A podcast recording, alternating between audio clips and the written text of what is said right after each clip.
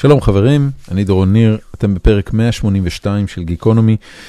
לפני כחודש התארח כאן אה, איתמר אברמוביץ', השף, שהביא לי אה, גלידה מכבד אווז, אה, שהייתה מעולה אגב, ובסיום הפרק דיברתי איתו וביקשתי שיעשה לי אינטרו למישהו מהאזור שבו הוא גר, נאפה ואלי, עמק נאפה שנמצא צפונית לסן פרנסיסקו, שיעשה לי אינטרו עם מישהו מתעשיית היין שם. אז uh, uh, הפרק הזה הוא פרק ראשון שיצא מהבקשה הזאת. Uh, יש עוד פרק שאנחנו מתכננים, אבל לא כל כך מהר. קודם כל ניתן לכם ליהנות מזה. לפני שבוע בערך הוא דיבר איתי וסיפר לי על ג'אד פינקלשטיין, או פינקלסטין, כמו שקוראים לו באנגלית, שהוא, כמו שאתם מבינים, יהודי אמריקאי, בעלים של יקב מקומי בשם ג'אד היל. אמ, והציע שנעשה טיול לנאפה וניפגש איתו. היום הטיול הזה קרה, לקחתי את המשפחה והילדים, העמסנו על האוטו, נסענו שעתיים צפונה, עשינו קצת סיור בנאפה ואלי, ראינו שם כמה מקומות מקסימים, אה, וכמו שעזר ויצמן אמר פעם, אה, אכלנו כמה דברים טובים ושתינו כמה דברים טובים, ואז הקלטנו את הפרק הזה עם אה, ג'אד פינקלסטין, שהוא בעלים של יקב קטן, ג'אד היל נחשב ליקב קטן בקנה מידה אה, אמריקאי, אבל אה, כנראה שבקנה מידה ישראלי זה היה נחשב ליקב בינוני עד גדול. בכל מקרה, יש לו עינות מצוינים ויש לו סיפור מעניין על איך זה קרה, והוא בעיקר שופע המון ידע אה, על כל מה שקשור ביין, בגידולו, בטעימתו, בערבובו ובהתפתחות שלו לאורך חייו. ניסיתי לעשות את זה כמה שיותר נגיש. יש הרבה אנשים שמפחדים מיין, שרואים בו משקה יומרני, פלצני, אה, לא ברור, לא מובן וגם לא מאוד טעים. אני מאוד מאוד מקווה בתור מישהו שאוהב יין ושלמד לא לפחד ולאהוב יין, אני מאוד מקווה שהפרק הזה אה, יעזור לכם להרגיש כמוני וללמוד לאהוב יין יותר. אה, ואולי אפילו תעבירו את זה למישהו שאתם מכירים שמפחד לשתות יין או שעוד לא מבין מה הסיפור עם לשתות יין, ואולי זה ידבר גם אליהם. בכל מקרה, ממש לפני שנתחיל, אני רוצה לספר לכם שבמשפחת גיקונומי יש עוד אה, פודקאסטים, אה, אם אתם לא מכירים. אה, הפודקאסטים שלנו בתחום הספורט הם כמובן בכל יום נתון, אוריאל, אוריאל דסקל וראם שרמן מדברים על ספורט עולמי וציון שלוש. יוני נמרודי וראם שרמן ועוד אורחים מדברים על ליגה, על ליגה הישראלית בכדורגל. והפודקאסט האחרון, הבן הצעיר והצומח מאוד יפה שלנו, גיקונומי פיצ'רינג, פודקאסט הקולנוע שלנו עם תומר קמרלינג ונעמה רק, שבו הם מארחים אנשים מתחום הקולנוע והתרבות בארץ באופן כללי, כדי לדבר על סרטים כמו שרק גיקים אמיתיים יכולים לדבר. עד כאן קידומים. האזנה נעימה לפרק 182 עם ג'אד פינקלסטין ואיתמר אברמוביץ'.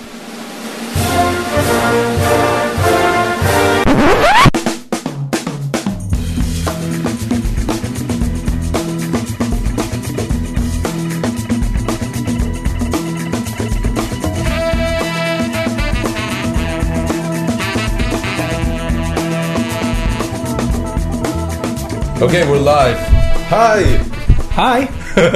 Hello, Judd. How are you? Hello. Nice to be here. Thanks so much for uh, thank coming so, over. Thank you so much for having us uh, in your vineyard. This is how I say it, right? This yeah, is your vineyard. We your are, family's vineyard. We are here amongst amongst the vines, the verdant vines of Napa Valley. As you look out here, you can see right now it's. Uh, they're in dormancy because we're in winter. Dormancy means they're sleeping. They're sleeping. So it's not the picture postcard time of year where you see the full lush green, you know, greenery of the leaves.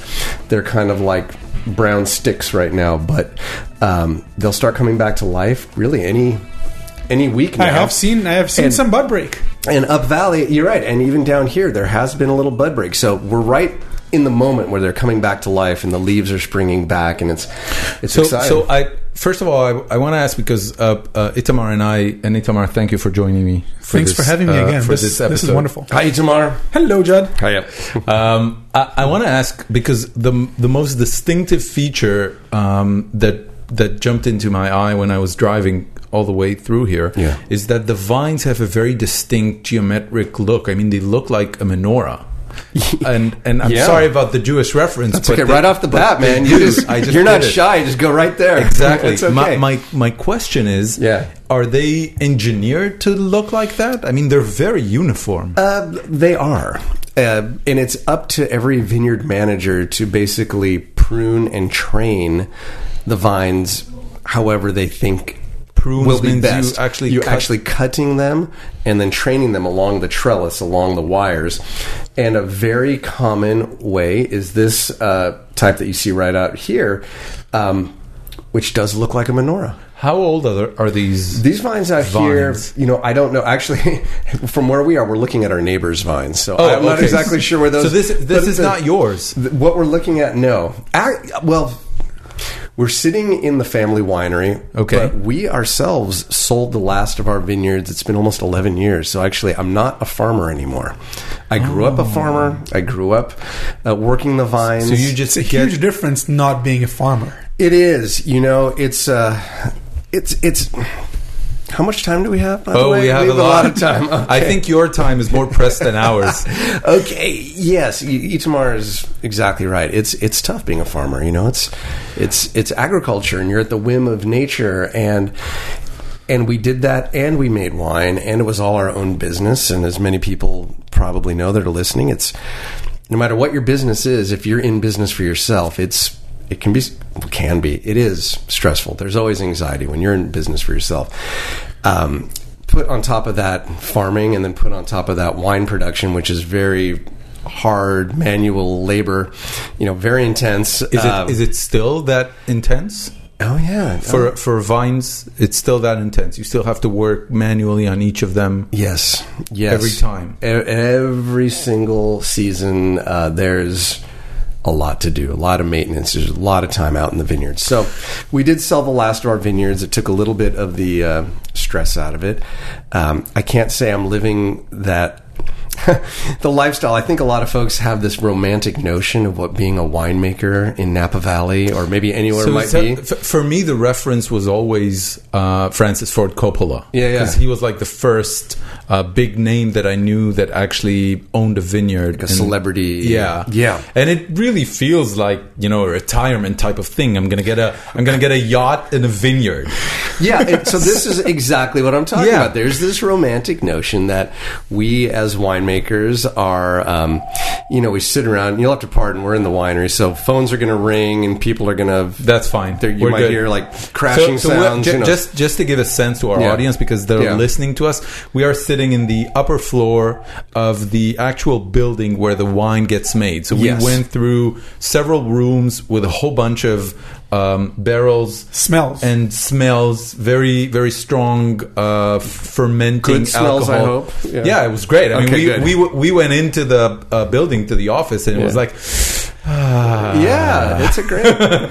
So I'm gonna be happy. and that's here. something I haven't grown tired of. Uh, it- the, the smells of Napa Valley. They're they're good. There's good food. There's wine. But, but you know what? Let's let's But I do want to just finish that thought. Yes, they have this. They have this notion that we sit and we do what we're doing right now. We gaze out on the vines. We nibble on cheese. We sip a little wine, which we have in front. the grapes jump into It's- a barrel and turn into wine. It's magic. It's all magic, It's and all we have to do is sit here and um, you know be rich and have this great lifestyle. And you know, Itamar, you lived here long Four enough. years now. I I would imagine that you know this. Uh, this dream lifestyle to maybe not be the reality. Try There's and a lot of drive up and down Silverado Trail at 4 a.m. during harvest. Yeah. And you'll see how many people are out when it's cold as hell. Mm-hmm. And they're 4 a.m. 4 a.m. Why is it important to wake up so early? Yeah, it's, it's a lot of hard work. It is important to wake up early and, and harvest grapes at night. Many vineyard managers do this. Many winemakers like this because the grapes come in cold. Um, as the grapes And heat you up- press them immediately? you as soon as possible. Certainly, you know if they come in in the heat of the day, because during our harvest season, as cold as it is at night, it jumps up. It can jump thirty degrees, you know, uh, or more uh, during the day. We can have um, we're, we're ju- just for our audience. We're talking about Fahrenheit degrees. Fahrenheit not- degrees, not that's Celsius. right. I'm sorry, I no, can't no, no. that's quick, fine. uh, That's I can't do the quick What- conversion. What, what is considered high in this area? Well, I just want to give a. We can get uh, during the um, late summer, early fall when it's time to pick the grapes. It's not uncommon to be in the 90 degrees and, 90 and degrees, several so- days in the hundreds. So what's that, 40 something? so That's uh, Uh, that's in the 30s centigrade. Yeah. Yeah. High 20s, high 20s, um, and all the way up to to 40 centigrade. it's hot. I, I want to take a, a very long step back, and I want to ask you. Oh, okay. You, you were born here, right? I was well. I was born in Southern California, but very soon um, ended up here. It. Uh, How old were you when you moved? I was. Well, they started the, the, the plans to do this. Should I really back up? Yes, And, please like, really? do. Because let, let me let me tell you, uh, the, the we are uh, both me and and my friend Ido, who's listening on the side here. Hi, There Ido. Hi. Um, uh, we are in the high tech industry, so we know the the career flow of somebody who goes to university and then Yeah. starts as a junior and moves to be a senior. And if you're lucky, um, you're either doing what you like for the rest of your life or you don't.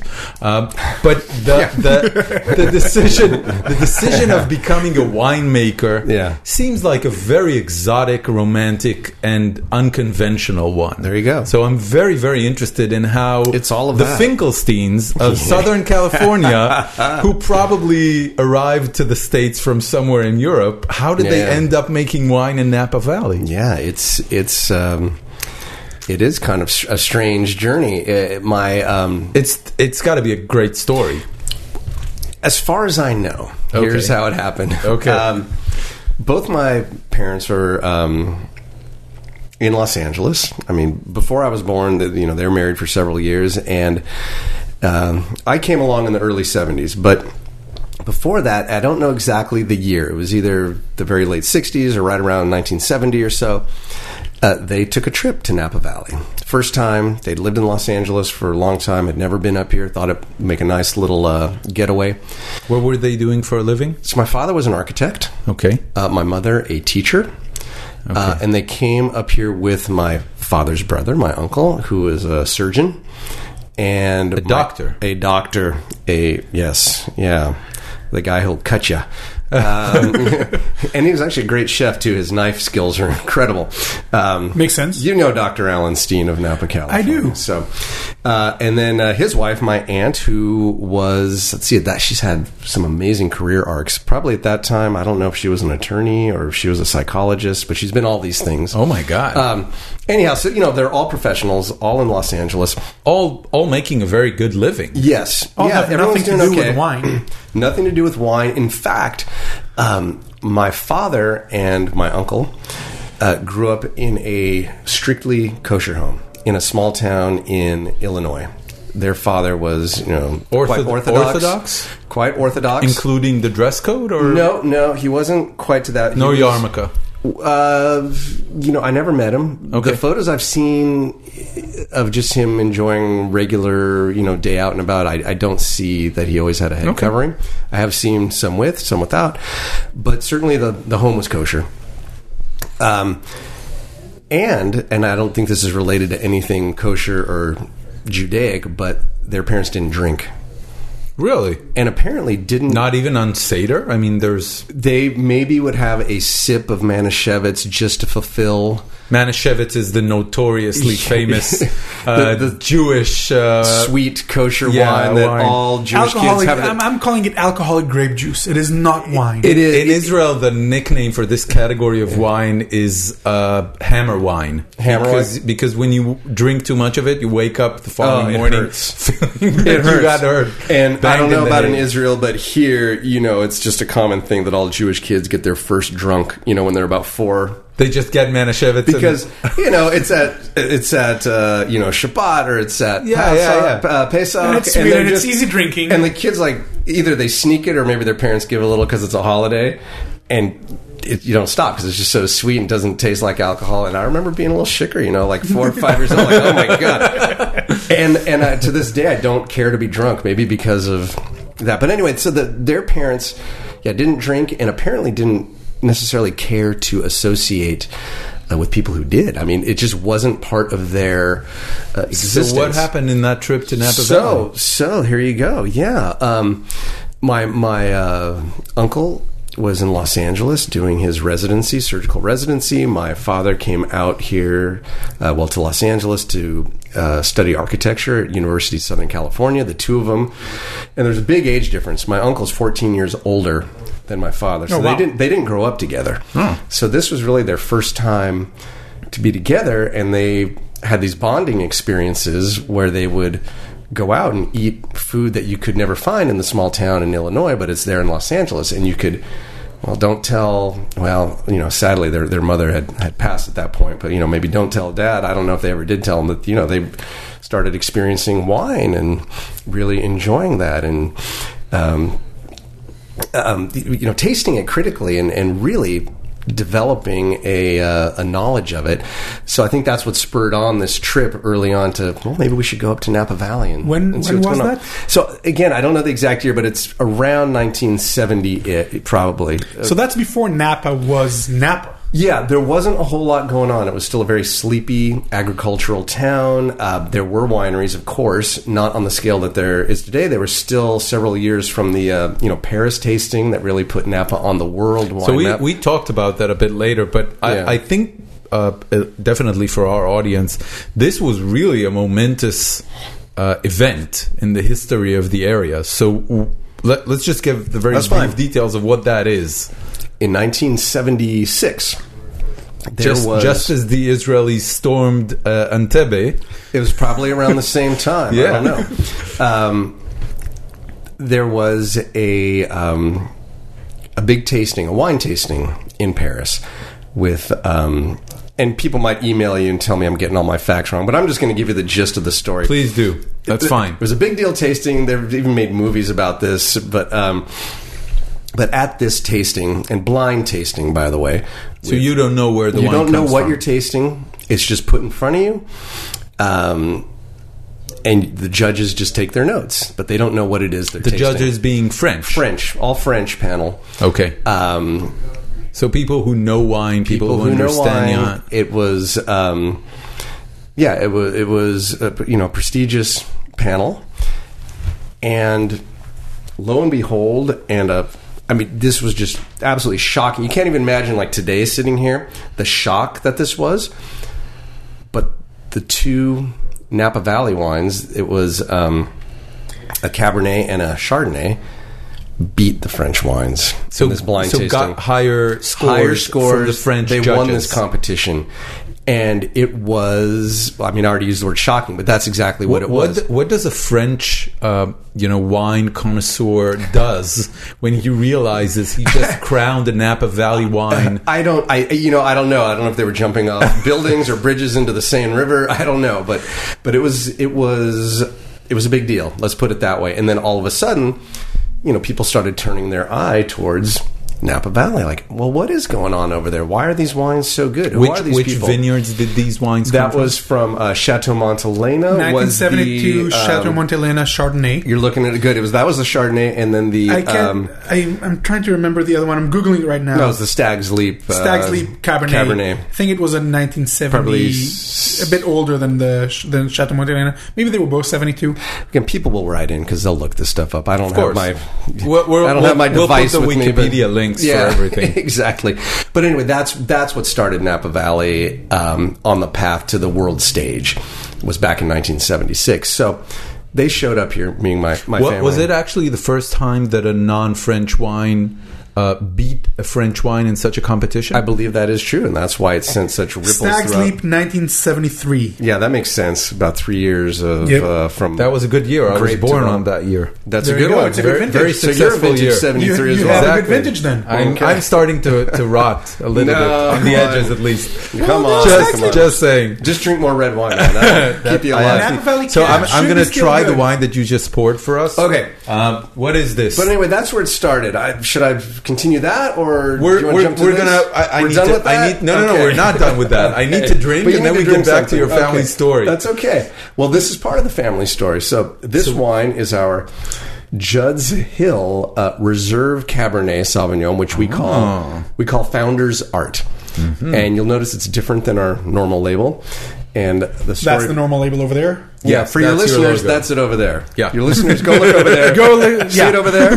There it is. There you go. Okay, but Yes. this one here, listeners, that, that I'm holding is uh, our Founders Art Cabernet Sauvignon. It's our reserve, and we name it Founders Art. Uh, my father's name was Art. Oh. and he was the founder, so it's our Founders Art. And we think of wine as well. It's it's an art form too. I think. Um, The, just as much the as anything. painting on the label. And the painting Was on the created labels by, my father as well, I being a painter, okay. a very artistic guy. So we've got his art inside the label, or inside the bottle, excuse me, and his art on the label. So let, let's just you know say I'm- cheers. I, I- I want to try I the wine. ahead. already. You already did it. I'm oh come it's on! done. Okay, L'chaim. Cheers, L'chaim. Yeah, here we I'll, go. Okay, I'll, I'm I'll go- use the Coravin and get me some mm-hmm. more if that's okay. Go ahead, please. It Smells spectacular.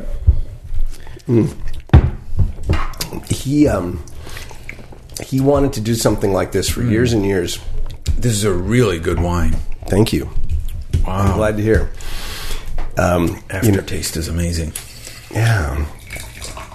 We um, we had never made a reserve cab until 2006 when he really felt like we had some special barrels from some new vineyard sources that really were something different and you, So he the tasted word reserve them and, and felt that that was something. it was there was something special going on the word reserve on a wine label means nothing Oh, literally really? literally Nothing. legally you could put reserve on anything Oh, it nice. means nothing but because i like to think we have some integrity and some you know values and ethics you know we never put reserve on anything until we actually had something that we had put aside and reserved exactly so that was in 2006 So and I, uh, I, want to go back to the origin story, and I want to ask: uh, not everybody who come to Napa Valley uh, after you know starting to get interested in wine actually turn into winemakers. So what? Okay, what, so we'll what happened back. there? All right. So they came up here whenever it was, either late 60s or 1970, something like that. Took a look around, and they're all very hands on people. So my father, being an um, architect, he also was interested in carpentry and woodworking and ceramics and painting and my mother painted and did ceramics and my aunt painted and did art and my uncle a musician. So everybody's very creative in the whole family very artistic. So i think they saw what was going on up here as another art form i mean wine really is this great blending of art and science together. You have to have uh, an artist's palate to put flavors together and recognize how they blend and textures and layers and that type of thing as a chef like you Itamar would certainly appreciate. But then you also need to have some knowledge of sciences of microbiology or chemistry. So um, you know my uncle being a doctor he understood biology and chemistry and my father uh, being an artist i mean it was just a good blending pardon so- the pun of these two guys to do pick up a new hobby and that's how it started. But that was a hobby at the beginning. it was a hobby. So by the time I was born, um, our garage in in LA. in yes in a canyon in West Los Angeles never had cars in it. Uh, it was just you know there was a hand cranked press in there, and there was always jugs of things bubbling, and it always smelled good, like you said when you walked in Yeah. there, and extra refrigerators, and that's. They were making wine as a hobby. They just decided, let's do this. That'll Where did fun." they get the grapes? Great question. There's not a lot. You know, historically, Southern California has been, um, you know, a big vineyard area, but most of that's been paved over since. Um, so they would get grapes from up here. They'd have them flown down. There's stories Flown of down. my my dad, yeah, and my in the 19, in the 60s, 70s, they had him like flown in the down. 70s, yeah, they would go to uh, LAX and meet the uh, PSA Pacific Southwest Airlines at the time, no longer here, but like at the cargo, at the you know cargo office with their pickup truck, and they would load these Crates of grapes. crates of grapes that were Yeah. picked the previous night. whenever it or- was, yeah, either from Napa or up in Sonoma. And then they would take it home. and They'd they would take it to how the many, garage. How many bottles a year did they make in this I, way? I don't know. I really don't know. Um, I, I remember that. Um, But this is really not, you know, this is not the.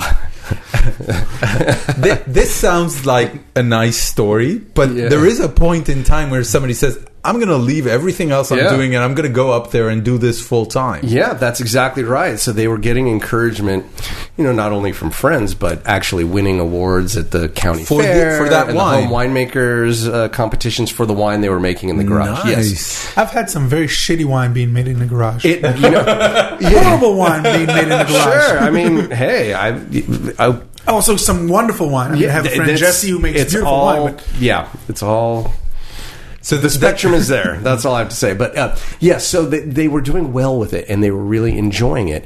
And I think everybody around the mid '70s was ready to. I mean, I think everyone was doing well professionally, but it was that Los Angeles lifestyle. In fact, I had my uncle on. I do a weekly radio show here about Napa Valley, so I had him on to talk about just you know his life and and I did ask him what what was the moment when you said we need to shift gears and get in the wine business, and he said that he was waiting to make a left turn on Hawthorne Boulevard, which is this busy street in South uh, in the South Bay of Los Angeles.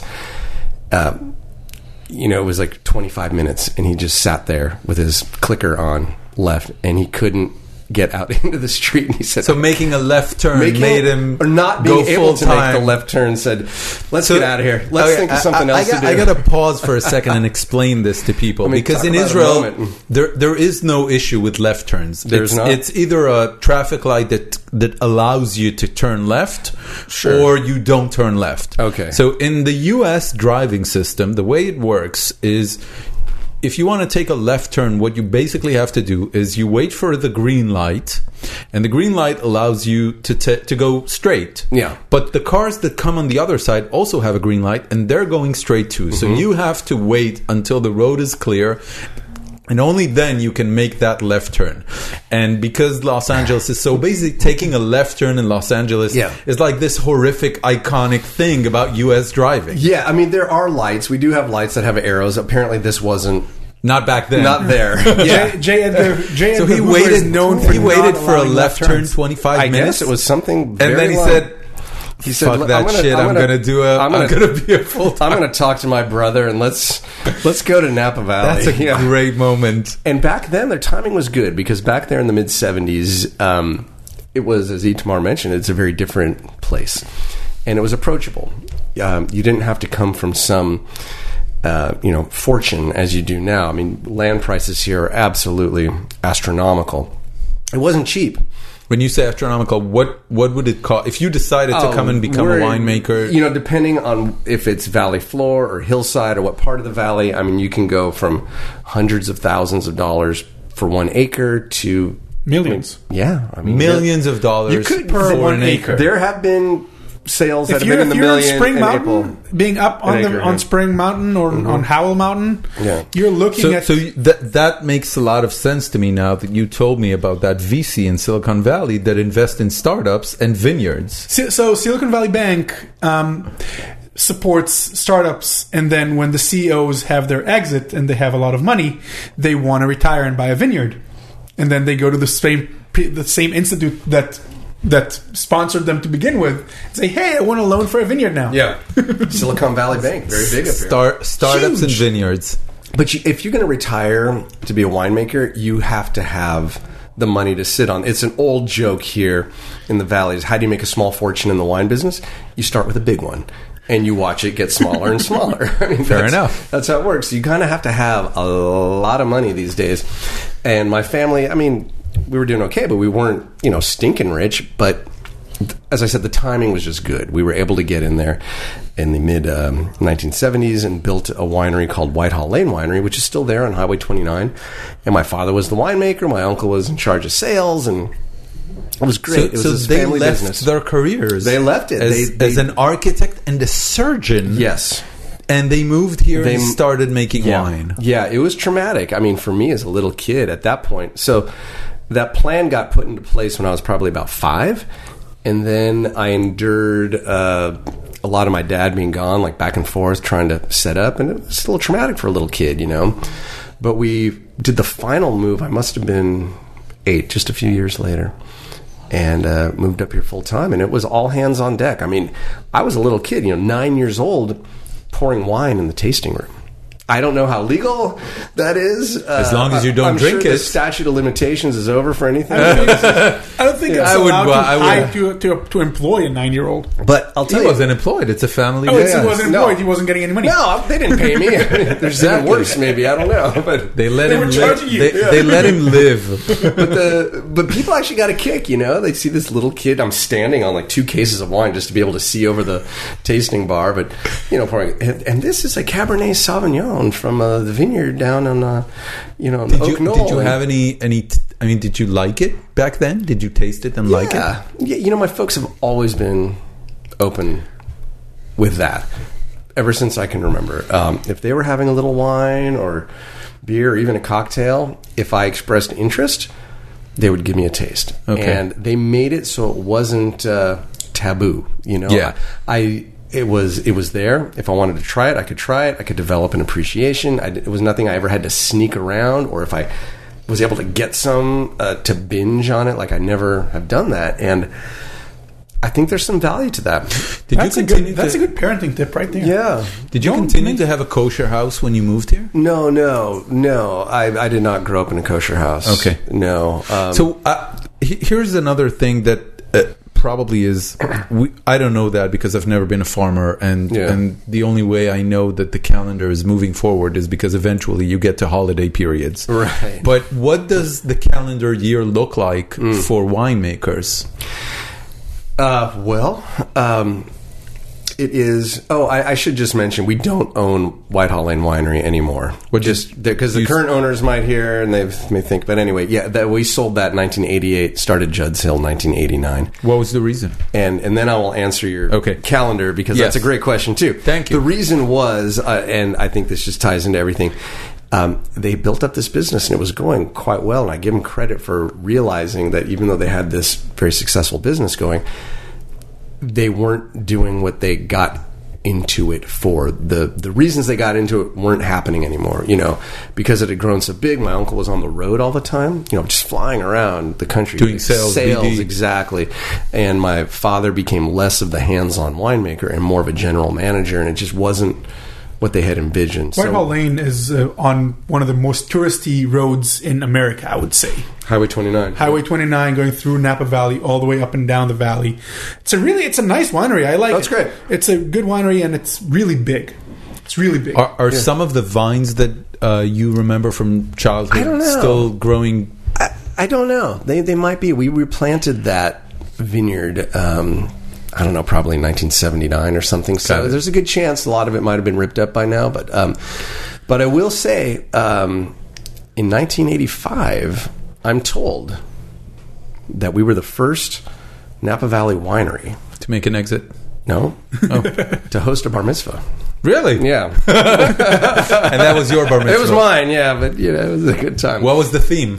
We didn't do that. We Okay. just it was just a big party. You know, had a band, had a sit down dinner. It wasn't So like it's a this winery crazy. bar mitzvah. Don't you need a theme? Yeah, Isn't it that was, enough of a it theme right there? Not Fair Napa enough. Valley theme. Fair that was enough. it. But I've been to some really over the top, fun themed, you know, bar bar mitzvah parties. Okay, anyhow, um, so my uncle and his family got out of the business at that point, and uh, my folks They started sold the vineyard. Hill. Yeah, that all got sold in 1988, and then Got it. we moved. Uh, my father, being the architect, built this little, and I mean little. I think uh, the house was maybe 1,500 square feet, um, with a winery below it, out in the hills east of St. Helena here in Napa Valley, and that's where the name Hill comes from, Judd's Hill, because it was on a very steep terraced hillside. If uh, anybody listening shows up to where we are now, it's much flatter. We you know we moved about 13 years There's a ago hill to this right current. You can see hills. There's definitely hills, you know, nearby. We're hill adjacent. In in, uh, on in, in. Israeli vocabulary, this is mountains. So, well, tho- yeah, those are Those that's are definitely ma- mountain. yeah. But right over here, this is kind of a little hill here. yeah, and, fair enough. yeah. Um, so anyway, that that's the history there, and we can get to modern day soon. But the calendar you asked about, it's uh, it's very seasonal. You know, it's a we're dependent on So, so agriculture. so- now it's mostly just Right a now- little bit of tourists doing wine tastings. Yeah, yeah. Well, as far as visitors go, this is, I guess, what we would call the slower season. You know, from like January through February, it slows down with visitors. Um, you know, thankfully there's some people downstairs right now. I don't do anything else. So my fallback, as Itamar knows, I, I can strum a ukulele, but that's not going to put my kids through college. I don't think so. I'm always thankful when people show up anytime, whatever season it is, you know, please come visit. yeah, we want my kids to do well in life. I got to set them up with college. And Fair enough. On and on. So, um, College doesn't cut it anymore. By no, the way, I know, I know. They, I they need to be doing something they're passionate about, but college is not so necessarily going to. This is so true. Yeah. So right now, um, we we just finished up most of the pruning that you alluded to, and we talked about earlier. Where usually January, February, people go through these vineyards, and you can see just in our view right now how many vines there are. You know, thousands. Yeah. and every one, every one of those is hand pruned. These crews go through, and they know Uh, I'm- exactly. I'm gonna uh, explain that for a second Yeah, in go ahead. Hebrew. The, I, I don't know what, I אני לא יודע מה... גיזום. גיזום? גיזום. אוקיי, המילה העברית לפרונינג זה גיזום, והמשמעות שלה היא בעצם אה, להוריד ענפים. Um, yeah, what they do is they take. Um, there are um, branches that come up from the vine that will not necessarily produce good grapes, and they are taking energy from the vine. So, so you can identify these branches as they grow? I mean, you know this is this is a bad branch. This is not going to do any good. it's not necessarily that it's a bad branch. It's just that they just might be extraneous. Like we don't need this many, and you prune back to just. And and every vineyard manager or vineyard owner or even winemaker will have his or her own style to to to. It's- it's a and they'll- philosophy. They'll, they'll prune it the way they think they'll get what they need out of the vine to make the best wine. Interesting. So you'll see different shapes. A lot of them are, as you mentioned, Yeah. you know, menorah shaped. That's pretty common. Uh, I've never seen, uh, I mean, vines like that in Israel. This is this is so unique. um, I'm trying to think what vines in Israel look like. It's, They- it's they're been a much while. more. They're much more eclectic. They're non-uniform. Um, so so you can do this. What what we're looking at is they they basically look look like a T. They, Yeah. There's one branch going. There's the stem going up, and then there are two branches to the sides. You can have four branches, which is another way of doing mm-hmm. it. You can have the Santorini so, style, so which what, is what is round. what is really the decision? Um, wow, you're the ex-farmer. Well, yeah, I mean, it, it, it really is. It's dependent. You've heard the term terroir, the French. It Yes. means basically the geography of the place. Yes. and it has everything to do with what is the soil made of, how does the sun shine down, uh, which way does the wind blow. Um, all of these things affect the way the vine will grow, and subsequently. The flavors that it produces within the grape that then translate into the wine. So, you know, every vineyard uh, manager, viticulturist will take that all into account. Like, what what is this soil made of? How is this vine going to grow? What is the kind of wine that I want to get out? What is That is- the end that is result? so and crazy. then you make your decisions on how you're going to. What'd you say? How are you going to plant? It starts Gizum, gizum. Gizum, yeah. G I Z O M. Gizum. Yeah. Gizum. That's what I said. Yeah. By the way, no, but it just- starts with the, with the way. You, I mean, the way you, Yeah. the, what wine you want to make starts with the way you plant the vineyard. That that is that is so. I mean, you're basically saying that there is there are people that have such a deep knowledge Mm. of the cycle of vines growing and producing and the wine that Yep. turns out of these grapes. Mm-hmm. This process takes years, and they have enough Years. perspective to to know how to change things in the beginning so that years later they will get a different result at the end. That's crazy. It, it, it, when you say it like that, it absolutely does sound crazy, and especially when you think that when you plant a brand new vine, you're not even going to get fruit that you can use for at least three years. exactly. Then, How is that then- possible? Then, then, you know that has to be picked, and then uh, the grapes are crushed, and then it depends how you crush it, like with what, with what uh, pressure, or um, do you do whole whole berry? Uh, or do you crush every grape? Then what type of yeast do you use? Do you let the wild yeast that's just in the environment start the fermentation, or do you add your own? And if you add your own, what strain? Because different types of yeast can impart different flavors or or have different alcohol tolerances. And then it's do you put it in stainless steel and or do you put it in oak? And if you put it in oak, what So- type of so- oak? Because that has a flavor. It's just I'll, I'll mind-boggling. question. When you talk to a winemaker, Yes. Can you actually? I mean, are the best wines made by the best winemakers, or is it I don't like how to answer that. you have thirty percent uh, uh, talent and and knowledge and science and understanding and seventy percent luck? Well, yeah, I can't break it down for you. I know, um, you know, that would make it easy easier to understand, but I, I have no idea how to put a ratio on that. But um, yes, good winemakers understand all of these variables, but you can. I don't care if you have your winemaking degree from UC Davis and you've been doing this 30, 40 years. You can you can't know it all and you can't do anything with any certainty because you're dealing with you know a natural basically living product that is dynamic and always changing i mean if you open a bottle of uh, vodka or whatever whiskey you know when you open it it's going to taste the same whether you close it up and then open it again in a year and have another sip it's really going to taste the same Yes. a bottle of wine, not only will it, will it change when you open it, starting immediately once you know air is introduced, it begins this changing process through the oxidation. Sometimes it opens up and it's nice. Sometimes it flattens out. Sometimes there's an arc. Well, there's always some kind of arc where it might improve, improve, and then fall off. So you don't know is this wine going to get better in an hour, or is it going to be totally gone, or tomorrow it'll be done? But that can even happen without even popping a cork. It's still living within the bottle, so you never have any certainty. So how- which is very scary. How do but it also learn? is very exciting and kind of magical.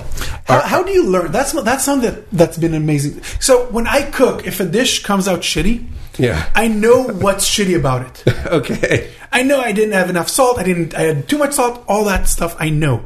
Yeah. How do you know?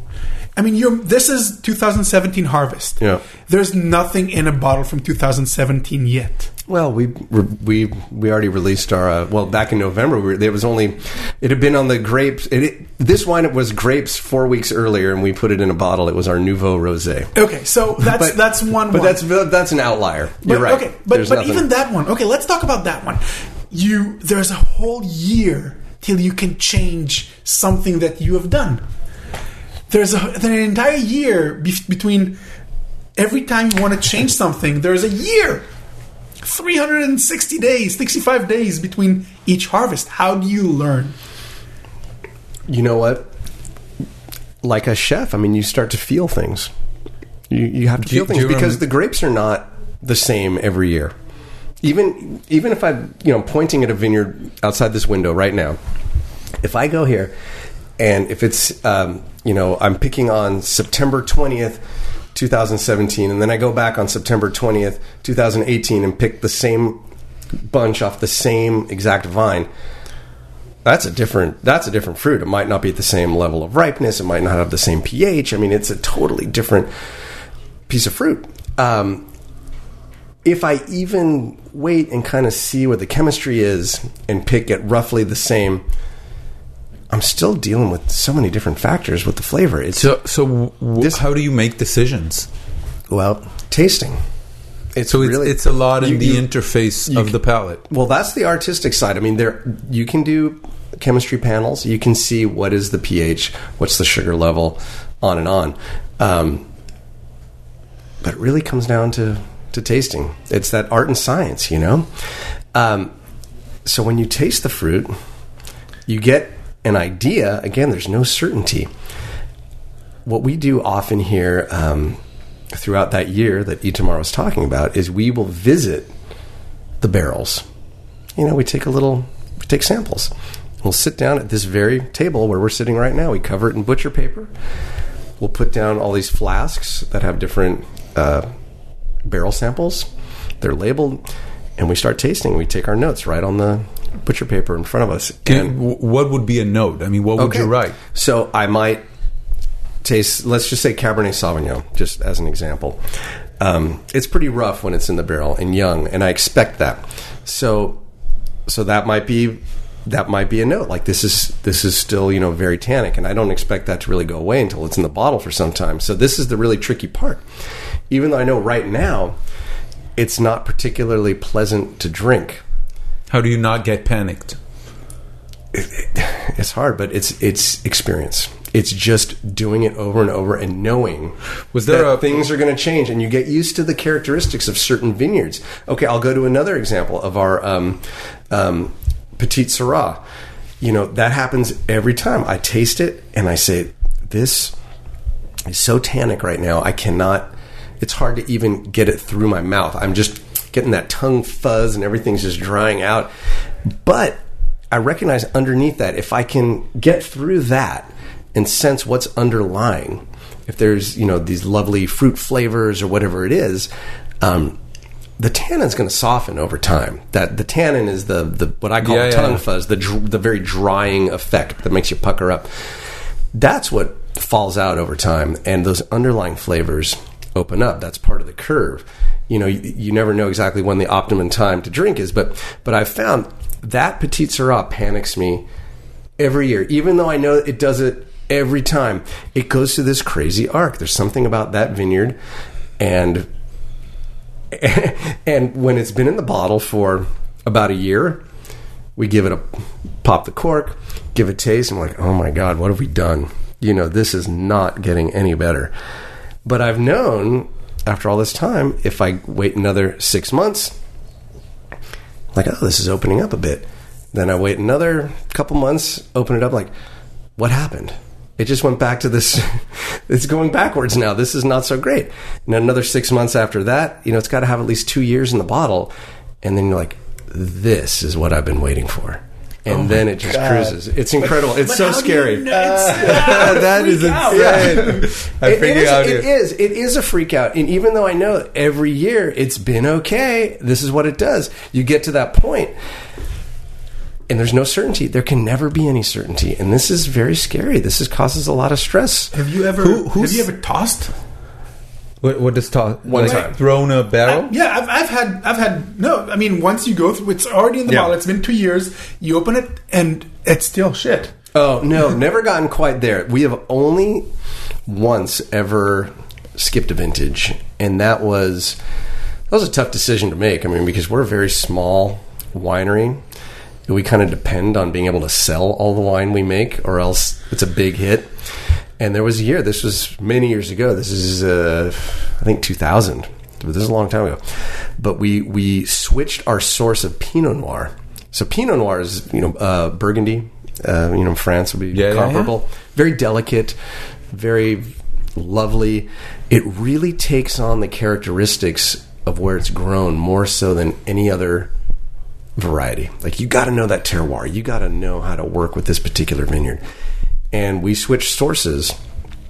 And we had made this wine the way we had been making this other Pinot, which was delicious.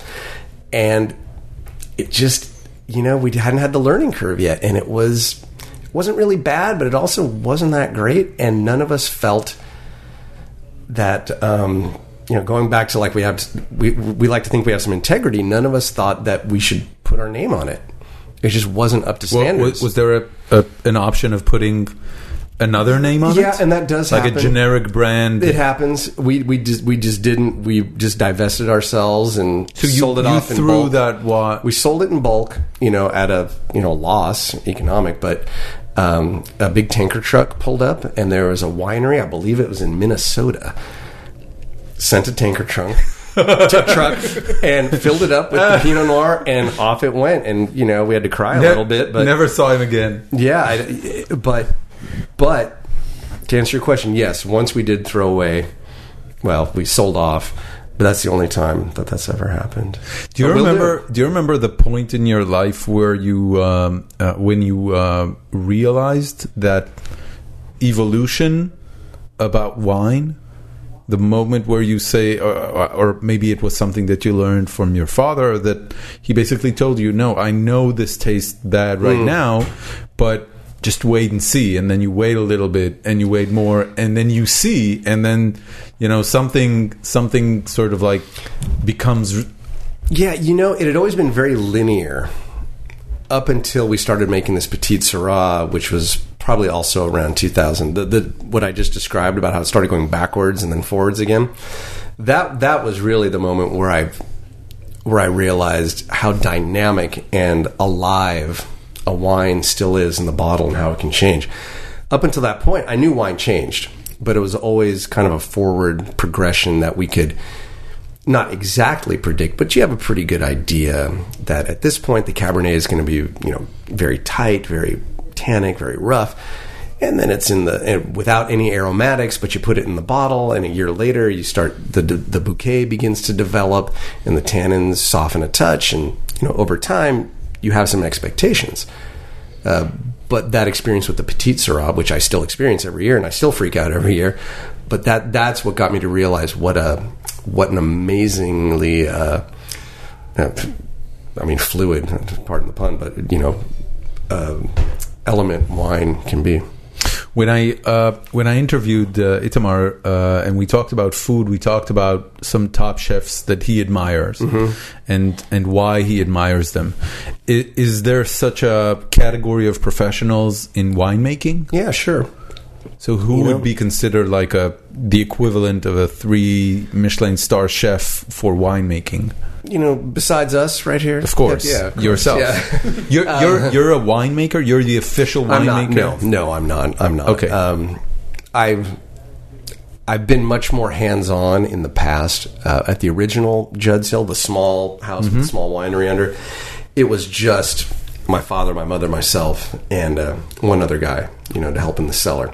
So I used to be much more hands on. Now that we've moved where we are now on the Silverado Trail, um, it's funny if anybody, and any of your listeners come visit, um, they won't believe it when I say this place is ten times bigger than where we were. Because I mean, you're here right now. This is pretty small, Pretty small. So that tells you how tiny it was up on the hill. But when we moved down here, we decided this is it. There's no warehouse. There's no additional storage for we do have some warehouse space. I mean, not that we own, but we you know keep our How, how many barrels are currently, you know, waiting to turn into bottles? barrel. I don't know barrel number, but I can tell you every year we make about three thousand or so cases of wine under the Judd's Hill label. That's And- not a lot. It's not a lot, but we also make um, a bit of custom wine for other people. Whether it's just, uh, you know, you could call me up and say, "I just like the idea of having a barrel of wine that's mine," and you know, In, in Israel, this would have been considered a medium to large winery. Really? oh yeah, Yeah, in Israel, um, anything over 10,000 cases is big. Oh. Um, Golan Heights Winery, I want to say make about 70,000 a year. That's it. And they're the biggest in Israel. They're the biggest by far. Yeah. So, just to put things in perspective, um, in Napa, it's considered small to medium, 3,000. this, in terms of the Small. building here, uh, there's one vineyard in Israel which I really like called Pelter, uh, in in the Golan Heights. yeah. yeah. You know Pelter? I've had that. Yeah, nice. Did you like it? I did. Yeah, a buddy of mine was uh, importing, exporting Israeli wines to the U.S. It's called the Is- Israel Wine Com- uh, Wine Club, which I was a member of for some time, and How are Israeli wines compared to, I don't know, stuff you drink here? Oh, I get some delicious Israeli wines. Yeah, I still have some in my cellar that I've been kind of hanging on to. I want to share with you a story. I I had a um, back when I was in a, in a corporate uh, company called Amdocs back in Israel. Um, we entertained once uh, this analyst who was French, and he and his friends, being rich French guys, owned a vineyard together. and uh, and I remember my uh, boss at the time. He took us to a restaurant that evening to you know just socialize with him and he ordered an Israeli wine, and uh, he was very proud of introducing that Israeli wine to the French person. Yeah. Uh, it was, I think, a, a red wine. He gave him a sip, and the French guy said, "You know, it's very interesting. Um, usually, when you drink wine, there's an aftertaste. This one has nothing." Uh, and he, I, I don't think my boss even realized that it is a horrible insult. Yeah. But uh, Yeah, and, and, and we would call it the finish. the we, we don't say aftertaste, we say Yeah. the finish. The finish. long, So, nice, good, long finish. Yes. no finish there. Uh, but but the thing is that it, there's always you know Israelis are very proud of their wines, but the question is how do they measure up? I mean, it, is is it in the bottom third of nations producing wine, or is it in, in the upper no, third? I don't know what to tell you. It certainly wouldn't be at the bottom third. I, I really have had some remarkable Israeli wines that I've even been proud to bring out to you know Michelin starred restaurants here in Napa Valley Really? to enjoy with my friends Yeah. because I I'm proud of them. These are good wines. Okay. Okay. Yeah. I, I bring whenever I want to fool a, a sommelier here in the valley. Mm-hmm. I bring a bottle of Israeli wine. Which one? Oh wow, there's a whole bunch. I was saving it Flam? for the recommendations at the end. Oh, okay. Um, okay. So Oh, let's do that at the end. Let's do Um, that. at but the um, Yatir Forest um, stands up to any Bordeaux and Rioja. really? Easy, easy in that. I- I That- always- that one I don't know, but I'd like to. It's I really always good. feel Okay. about Israeli wines that it somehow reminds me of the desert. So it's not very fruity. There's something like coarse or maybe not as flavorful, not as colorful as I would recognize in other European wines. I've had some gorgeous, you know, Syrah that was lush and full of fruit uh, from Israeli wineries I'm- too. So I- I, it just depends what you're drinking, I guess. I guess so. Yeah, In- get in to know your so in winemaker. Israel, I, I, do you know the Do you know the sketch uh, "Second Cheapest Wine"? Have you seen that one? I haven't seen the sketch. I mean, I, I've, I've, You know the I know how important it is on a wine list placement to be the second cheapest So that wine. the, yeah, the website College Humor Yeah. uh, did sort of like an advertisement for wine, and Mm-hmm. Yeah. it's called Second Cheapest Wine. Yeah. and it's all about like when you don't know what to choose, but you don't want to look too cheap. yeah, second, cheapest, wine. It's a, and you know what? There's truth to it. I, I'm always happy if I see, you know, we're the second cheapest wine. Really, you know you're going to sell a lot it of bottles. from time to time, and usually it does translate to good sales. how, how much? Interesting. As as a business owner, Yeah, uh, when you when you see Rombauer Chardonnay, yeah, yeah. how What, what was that? Rombauer Chardonnay is the generic Napa Valley Chardonnay. They sell a million cases of it a year. I I don't call know it generic. number. I mean, it's a Yeah. it's a name brand. Yeah, that's it's a very name brand. It's a respected. I mean, winery. A million They bottles. sell, let's put it this way: they have a private jet from that one Chardonnay. Okay, okay. Um, He's also a, a retired airline pilot, so that doesn't surprise me. That help- that you know, it might be a life choice. Yeah, exactly. but but it's a it's a really well sold Chardonnay. oh yeah, it's like the nation's number one restaurant. Yes. Chardonnay. Yes. Yeah. How how much does it? Do you want to say? Oh, you know what? Let's look at Gallo, which is a huge company that sells millions of cases of wine a year. More wine than anyone in the world. Yes. How? I mean, you make three thousand cases. Yeah, Does yeah. it not burn like? I just want my my kids to go to really really good colleges. Let's make Rombauer Chardonnay or something of that of that. Here's the thing, you know, um, at this point where we are, we're doing okay. We got the 3,000 cases of Judd's Hill wine. We make maybe another 9, 10, 11, 12, depending on the year, uh, custom wine. Either you call me up and say you want a barrel of wine made, we make it for you. You come, you know, make your own label.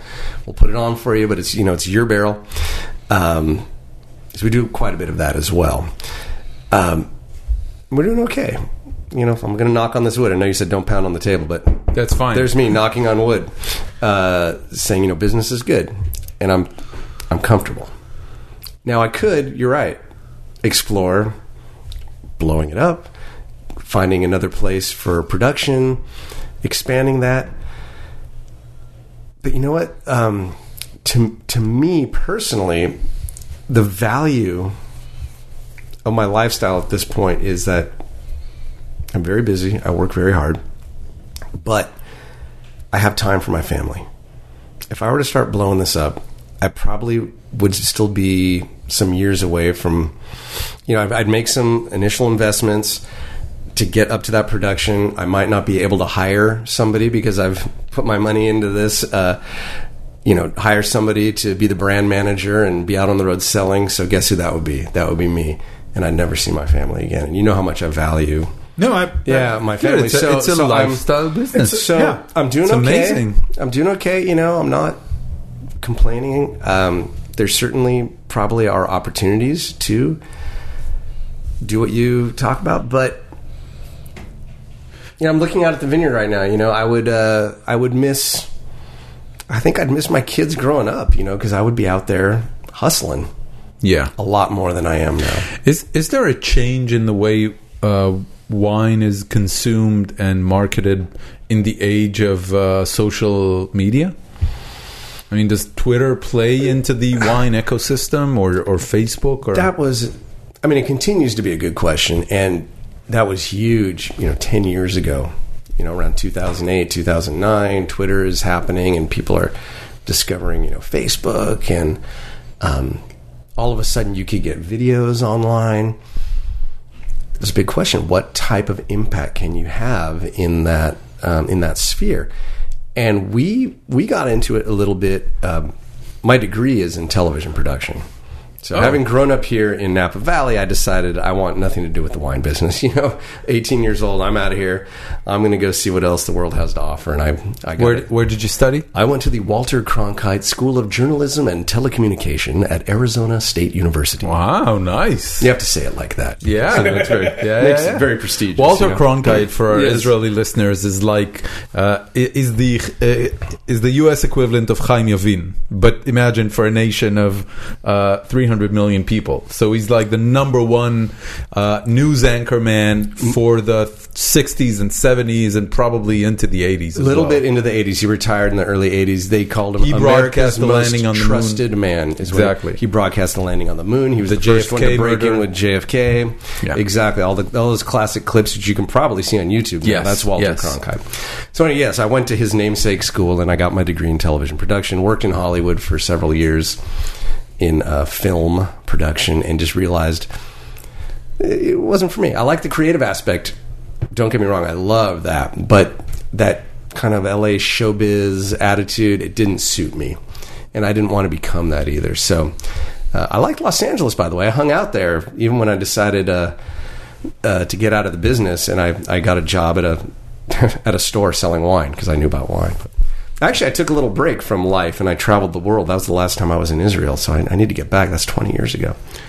But, uh, Not, not a lot have changed. and not really in 20 years nothing's changed yeah, come no, on I didn't say nothing, Okay. but not No, a lot. really? not a lot. I It's, that it's hard more believe. crowded. It's more loud. The wine is better. The wine is better. The food is better. great and i had good wine food cocktails when i was there i had a great time so I, i'll get back actually i'm saving my miles right now because i want to bring the whole family Well done, back sir. really soon but um, so armed with my degree in television production you know right around 2008 or so i came to this realization wait a minute you don't need to have a tv studio anymore to create video content That's true. all I need is uh, my camcorder. Um, I don't think I even had an iPhone at that time. I think the next year I finally got an iPhone. Yeah, it was somewhere in 2008 there. is but what- but I didn't get into it right away. It took me a little bit, um, but I had a nice you know you know semi high tech camcorder. I had a laptop. Um, I had some friends with some know how as well, and I kind of learned how to use video editing software because it was totally changed from when I went to school. So I kind of relearned some stuff, but the concepts were the same, and we started putting together these. Uh, The YouTube uh, booty shows. you got it. So that, actually, that that one was the uh, the what do you call it? The spin off. Oh. so the, the the first one was called Judd's Enormous Wine Show, Okay. and we did I don't know how many episodes of that, but uh, uh, all on YouTube. yeah, yeah, yeah, they're on YouTube. You'll YouTube. have to put a link for that. I think they're I links- will. I think I saw the booty website. one, and it was it. It was crazy. Thank you. So it, it it had a bit of a it had a bit of a, a David Lynch vibe to it, Cool, good. without the violence and the sex. Um, well, there was a couple episodes that maybe had a little of both, but maybe uh, you should send me specific links. I'll the... tell you right now, actually. So, so we did this Judd's Enormous Wine Show, which was this kind of look at the world of wine through my foggy goggles, and I'm kind of a. I think the, the adjective I like I've been called is quirky. So quirky. it's quirky. It is. What's a good uh, de medverid? Why do you say uh, quirky? it's Hebrew? it's uh, it's muzar and vemeshune. okay. That's what I was. אבל אבל במ- כן, okay, yeah. I guess In- I'm in a gonna agree positive with you. way. Yeah, yeah, yeah. Okay. Um, we can get into my Hebrew phraseology later. You know, but, um, but after the first, or when we made the first episode, I thought there should be something at the end that just says, you know, in our next episode, and have like a little clip of what's coming, even though we had no intention of ever including Doing this. the next episode. And I don't know. Judd battles a pirate, so we had we found a pirate down by the docks in Vallejo and brought him up, and he did this thing with the pirate, and then folks, You folks found a pirate? folks it's another story for another time yeah, tomorrow. They're all over the internet, man. I'm sure you know. you go down there anyway the water the anyway um, but folks responded to this pirate character it's like okay i guess we need to bring him back for the next episode and and so he had a few appearances in the you know in our next episode, and then it's me doing some with the pirate until he worked his way into very small parts of a couple of the main episodes. And it, it was really fun, but kind of expensive and um, also time consuming because they were these scripted productions. And uh, I said, "How do we simplify? Let's just kind of do a talk show, but we'll do it." In this magical pirate land, so we got the pirate. You to have a thing the- about pirates. I don't, but it's just that people responded, Responded to to, this pirate, and we just took down the. It was still here years later. The set it just went away. I could have shown you, but um, we built I, the I did see a. Uh, it's not even a miniature. It's a big pirate ship model out there, just outside the door. Right next to the chiclets. Oh, that. Oh, oh, okay. I thought you were talking about something else. Uh, yes, that that. that was from the opening, wasn't it? I think we used that in an episode. Might have been in the opening. I don't know. We've we used it. Um, I- I we used it in miniature in a green ski, screen. Yeah, we yeah, had yeah. A, we did, did some episodes with uh, some some explosions around it. Some, Yeah. Do you know this band Devo? You know, Um, they were from from Ohio. They wore like the flower pot red. No, I don't. No. Anyway, you, if you know their song "Whip It" or whatever, but I had one of the guys from that band uh, on, and, and there's a scene at the end We of are that. we are episode. slowly derailing. That's okay. That's okay because I'm going to bring it back to you want some more wine? the, to winemaking. to winemaking and social media. Yeah, We're I getting need. there. I need but That's I didn't great. forget I need we more were. wine. I All want right, you know more how to do this. of Each the I can do this. founders. But we did. We put him.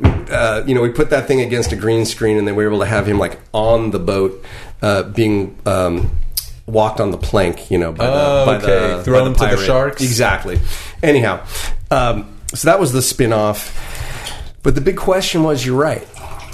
Is this making any impact economically? Are people discovering our wines? Are they showing up to buy wines? Are they ordering wines online because of this social media, this online video presence? And I could never get a good handle on it. I don't. I'm pretty sure we probably spent more in production than we ever got back from direct Sales links, on that. directly linked to that. What it did do, however, and again, this is back in the early days. I hope you can hear this wine being poured on the. Uh, Yeah, this is not Itamar peeing on anybody. Just so that you know. I'm using the Coravin. So- the Coravin is, is a is an Yeah. elaborate machine that makes a lot of noises. Okay, but but what we did find is that since we were, I guess you'd call it an early adopter of this technology and getting stuff out there, yeah. we Thank did so get a lot of great PR. I was asked to speak on many panels discussing the effects of social media and online video. Um, we we got you know articles written about us. Um, a lot of the prominent wine bloggers wanted to have me on and talk about it. So, so I mean that was good as far as a PR angle. But it, did, did it bring sales?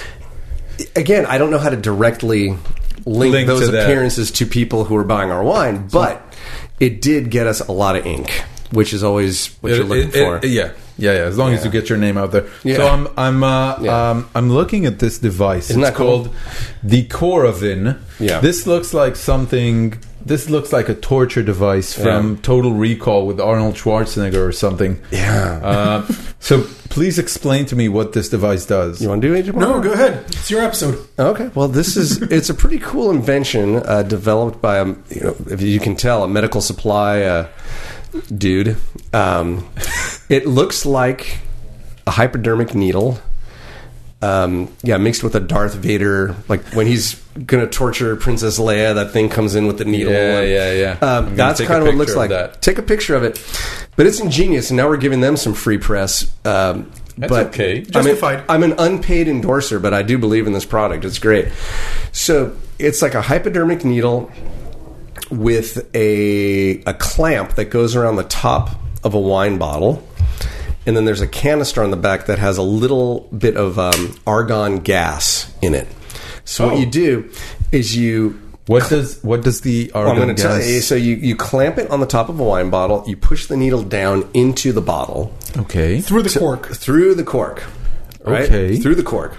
You never take the cork out. That's the point.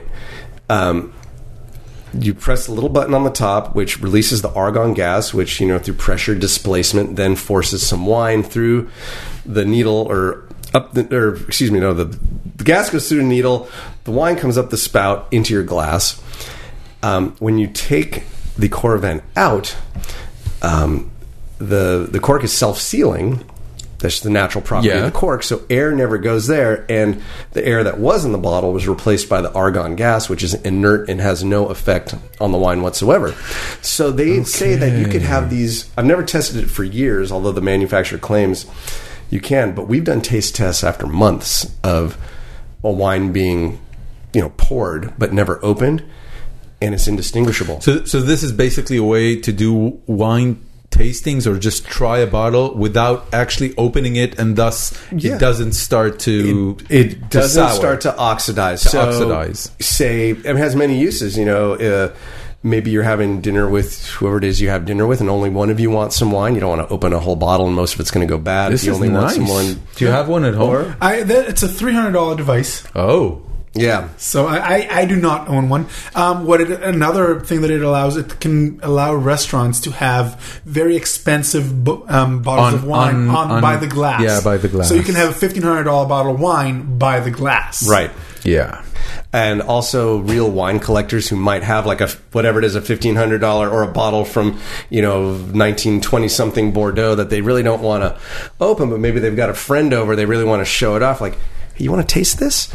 You know, that allows them to just have like a little taste, Nice. and then the next time another friend comes over, they can have another taste, and it That's a great Yeah, it idea. It's another way. yeah. Of, another thing is they for auctions, it can uh, verify wine. So let's say in an auction there comes a bottle from uh, pre World War um, wine that you do not want to open before the auction, but you want to verify that it's not fake because there are fake wines out there. I'm going to start uh, opening just so that you know this is uh, uh, the post from the uh, group Oh. where I posted the fact that you're going to be our guest, Great. and I asked for people to ask their questions uh, regarding wine. Most of them, I have to say, um, or at least a lot of them, were about the question of price versus quality of wine. Mm-hmm. yeah, So the entire topic of price versus quality of wine seems like a big deal for people. I mean, there's Sure. you know, you're you're sometimes um, the intelligent people finds it almost offensive when they sit down in a restaurant and they look at the menu I'm with you. and you see prices for wine which you just I mean it's okay we have the money it's not the issue I I, I but get what is going from. on here what's Okay. the thing with prices of wine in restaurants All right. Well, we can start with something we talked about earlier the price of land in Napa Valley. So, talking about here, it's very expensive to have land here, which means it's very expensive um, to produce the wine. It's, it's very expensive to uh, grow the grapes. Uh, wine barrels are very expensive. Uh, American oak, I don't know um, as far as French oak what the exchange rate is right now, but you know, American oak uh, just for one single barrel could be, you know. 800 bucks into the low $1,000 range, maybe more for a barrel one, just, one just for the empty container barrel.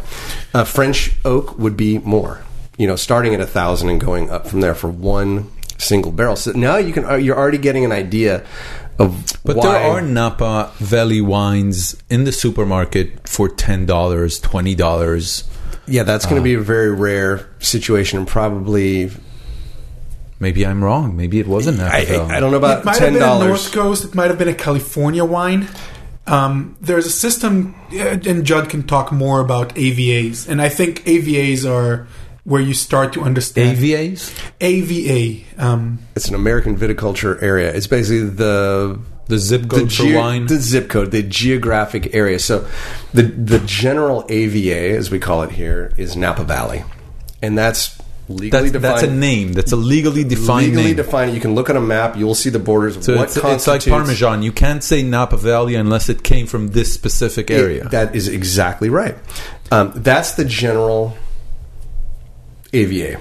Within Napa Valley, and this is kind of cool, and folks can look this up on um, the Napa Valley Vintners website, which is, I think, napavintners.com. There's a whole section called Napa Valley Rocks, which talks about the geography and geology of Napa Valley. And I find this just fascinating. Um, I was in Bordeaux, France a couple of years ago. Uh, we led a uh, a tour, a wine cruise for our wine club. You know, people are good customers, and um, and they've had you know a thousand years or more to figure out how to grow and make the best wine in that area. And there's really two main soil types.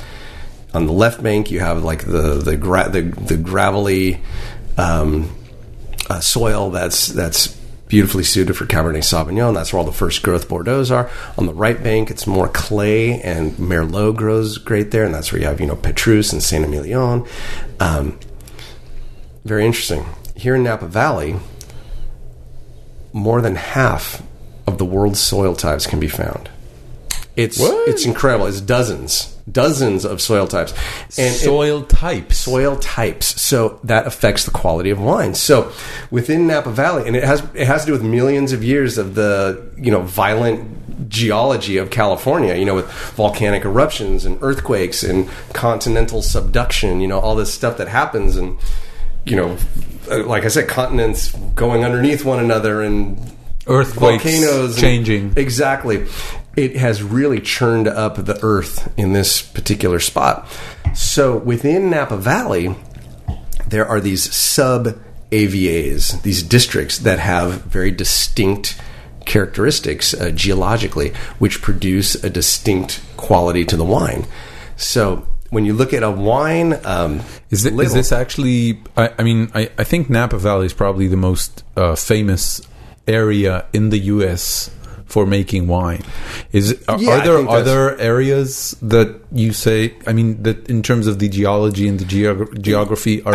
I, I don't know how varied. I don't think anywhere else is quite as varied as Napa, just because where it is in California is just known for Got being it. a little bit uh, crazy So- so geologically. you're the past saying that- but within yeah, so you can find Napa Valley. It'll say. Um, uh, you mentioned Spring Mountain. That is an AVA. It might say that on the label. That is an area in western Napa Valley, up in the hills. There's um, Oak Knoll District, which is just across Silverado Trail from where we're sitting right now. Very distinct style of wine can be made from there because of the geology and geography of of the Earth. Um, so, what is it now? Is it how many sub AVAs are there? should know. I Is it think six- 17. Is it uh, 16 or once 17? Coombsville was added, we're at That 17. became 17. Yeah, I That think was you're 17. right. So, imagine that within Napa Valley, which is, by the way, only responsible for about 3%. I think it's four, but four percent, three to four percent of the entire wine production of the United States. Imagine that. You said it's the most famous region, but it's only about four percent of the entire Wh- production. which is bigger? I mean, who is responsible for the bulk? um, most of the rest of California, but Okay. within Napa Valley. But within that tiny area, there are 17 sub areas. It's kind of mind boggling. And, And, and- each one is legally defined. It's, it's the Yeah. there's a legality to it. So you can go to if if someone says that they use Spring Mountain or Oak Knoll and it's not there, you can take them to court and they will be fined severely. So, so ju- just to be clear, this all translates eventually to the fact that Napa Valley wine is just more expensive. a lot of that has to do with Napa Valley uh, being a little more expensive. Um, starting with you know just the, the value of the land and, and building on it from there. Now, to answer, hopefully answer some question, I, I do not believe that price indicates quality For wine, for wine for, for a lot of things you know. But for wine we can get down to the bottom line is do you like it? No matter what the price do you like what you're drinking? And if so then that's good wine. Um, and you can you know you can i like to think that we're we are very um, fairly priced for a napa valley wine when you say we, you mean Judd's, Judd's Hill. Hill. You know, our wine prices top out. Well, this is it. What what you're drinking right now, The reserve, Judd's Hill Reserve. Founders are. I don't even know how much. This is either 85 or 95 a bottle, but a lot of Napa Valley Cabernets now are 100 plus and Really? going up from there. And then you've got to ask yourself, well, at what point is it, you know, $100 better than this? You know, when is the What's the $180 bottle of wine, you know, is it $100 better than an $80 wine? What does Yeah. that mean to you? Yeah. But if you love it, I guess it's it's worth it. Um, It's- that's, it, it, it's it's so personal. You're But- saying it's a lo- it's it's a lifestyle decision. It's It's, a- not a Yeah, thank you. That is a that's a good way to put it. It's a lifestyle decision. Napa Valley makes great wine. I don't think anybody can argue that unless you're just one of these uh, you know nuts who'll just discount you know generalize and, and discount an entire industry. But we're very fortunate in Napa Valley. We have you know not only physically beautiful place, but but geographically perfect to grow you know world class grapes in different regions. You know within Napa Valley, different grapes suited to different regions. So we have we have that going for us. We have uh, the talent. You know the people that have come here are. You know, they really know how to make wine. There's the technology that's here. I mean, we've got everything going for us. So I really don't think there's bad wine being made in Napa Valley.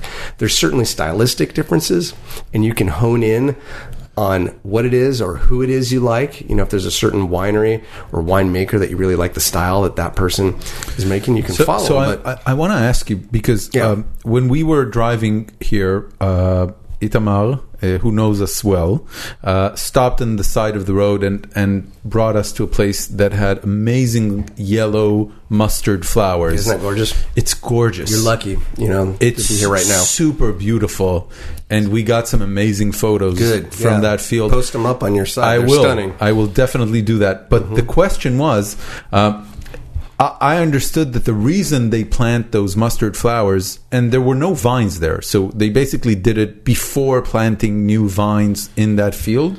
And it was just uh, outside of Yountville and in a, in a vineyard that has been that has been replaced. I think. What is that? Is that like? I don't know. I'm surprised to hear that somebody planted it. I just, I mean, I know around here. Oh, nobody's purposefully. I know- Maybe, maybe way back when, but mustard has this way of just like, Yeah, mu- it's a profusion. I mean, those seeds just get out there. It's wildflowers. Yeah, mu- mustard. That was wildflowers. Some of it was, some of it, um, some vineyards plant. Um, I know that um, they put some fava. Well, fava purpose. definitely is planted. and, and there are some specific cover crops. I didn't know that mustard specifically is something that grows wild. Again, maybe somebody will email me with the answer, but I've Yeah, having I know lived here, that I always co- thought that was a cover crop wildflower. Is, cover crop is, is a technique that's used Yeah. to to bring back nu- nutrients to the ground Exactly. without using fertilizer. and fava beans So, is so a big how one. how can growing something that actually sucks material from the ground be a nutrient to the ground? How does I that think work? you got to talk to a botanist about that Yeah. because as elements come through a plant, you know, they go through different changes and metamorphoses and can become Okay. other things. So, I'm going to start Yeah. running through questions All a bit here we go. faster. So, Roy Schickler wants to know what's the most expensive bottle that you ever drank, or the most expensive wine that you ever drank. and who's asking that? His name is Roy Schickler. Roy or Roy? It's Roy, but it's Roy. pretty- yeah, that's okay. Roy. I'm going to tell you one of the only phrases I know in Hebrew. So thank you, Roy, for for asking this question, and it gives me the opportunity. When I was there 20 years ago, I was visiting a friend of mine who lived in a moshav. Okay. This moshav was owned by a guy named Roy. Hmm. I never met the guy. You know, I woke up the next. Day I got there late at night. I woke up the next day. And my friend says, you know, Roy had to go to town. He's taking care of some business. He's not going to be back for a couple days. But while you're here, you know, if the phone rings, someone has to answer the phone. I said again, Anilo me de because I'd learned that. Like I don't. She said, "Don't worry. All you have to say is Roy lo babait." So there it is. And you still I know it. I remember that. Roy this lo day. Okay, that's so, fine. So, so thank you. What is the most expensive wine you ever drank, and was it Uh, worth it? Oh my god. Um, I gotta think about that. Uh, I'm not one that seeks out wines based on how much they cost. First and foremost, I'm not. I'm not one of those people. I. I actually have a bit of an aversion to people who flaunt. Now that doesn't mean I haven't been somewhere and it's open and like, hey, you got to check this out.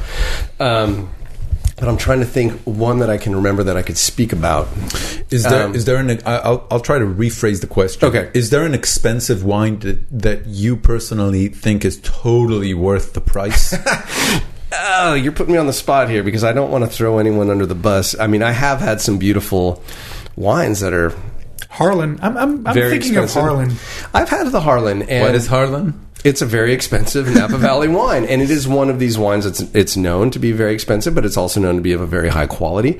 I am somebody who really appreciates letting the fruit show through, and when you taste our wines, uh, you'll notice that the the oak is much more less of an influence than in many of these very expensive wines, and that the reason a lot of very expensive wines are oaky, I guess, is well, oak is expensive. The barrels. That's what I'm talking when I say oak, or this is the barrels. So they splurge on the barrels. So you're paying a little bit for that, but also if you're paying that much for a bottle of wine, you probably want to know that they've spent some money to make it. You know what I mean? So it's kind of And, and the only way to know that is feeling the oak. feeling the oak.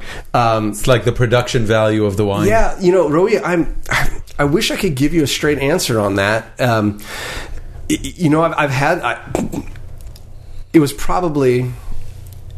It was probably. Um, I'll go. I'll go out of county on this one. I'll go back to uh, Burgundy and say it was. Um, uh, I don't know if it was a DRC Domaine de Romanée-Conti or one Oh, of their other on. or one of their other. Why, why are you? like why a- are you poo pooing? What is going that on that here? is the- that is on my on my bucket list. Um, No, Domaine La Romanée-Conti. Uh, we talked about it earlier. Um, it's a vineyard that was planted by the Romans thousands of years ago. It's considered the best vineyard in the world. Whatever that means, it's up there. It's it's it's a French Burgundy, so it's a Pinot Noir, okay. and it is it had been known for most of history as the most expensive bottle of wine. There's probably people who just you know will charge whatever they want just for the heck of it, but yeah, consistently. I think it's like ten thousand dollars a bottle. something I don't know like where that. it is. Come now. on. Yeah, and, and you can't buy it. It's it's not for But sale. this is like you, you know, All right. it's like a So- Picasso. so okay, I've- so I it's, have- it's expensive. it is That's like a Picasso. I have had the chance to taste it, and it was the DRC. Now that I Tastes like it. chicken. Tastes like chicken. no, you know what? It's delicious, and I'm a Pinot Noir fan, so I really like. I, I like California Pinot Noir, But bottom And- line is, and I like French Burgundy. It's delicious. It was you delicious. Hear angels. Exactly, exactly. There I, are no angels bursting. I enjoyed it immensely, and I felt very fortunate to be able to taste it. Is it better than sex? Well, um, no. Okay, fair enough. that way. That's a- that's a good answer. Not if you're doing it right. As, as I like that. Said. So, if I had ten thousand dollars burning a hole in my pocket, would I take that and spend it on a bottle such as that? Probably not. I'd find. I'd, I'd give it to Sadaka. That's what I would do with it. It is definitely that bucket. that. that. that one is Look at definitely this guy. is definitely on my bucket list. Good for you, man. Good Yeah. karma. There you go. Uh, Shirley Gal is Okay. asking about the Israeli wine industry, and Yeah. specifically, um, she wonders how does the Israeli wine industry uh, present itself or appears in the wor- in the view of the entire industry. Mm. I mean, you're you've been doing this for a while, so you know a lot of people from the industry. How how I are do, Israelis but, but I don't have a lot of interaction with the Israeli. I'm going to give you a future guest to talk to. Who is Look that? him up, Ari Erle. Ari Erle. You know him? no, but you'll make the intro. I'm going to make you the Thank you so much, sir. He is. Um, he was born in California, spent a lot of time in Israel. I think he even served in the army over there. Came back here, was a winemaker at a few different spots in Napa Valley. Started his own label, and his uh, wife, who's from Israel, um, they had some kids. They decided to move back, so he's in Israel now, and he's, as far as I can tell, making a pretty big name for himself. Nice. in the the Israeli of wine the industry. Uh, well, his label here, and I think he has it over there too, is just his last name, Erle, E R L E. Interesting. Never So- heard of it. So look him up, and I will. Shirley, I'm sorry that I'm not.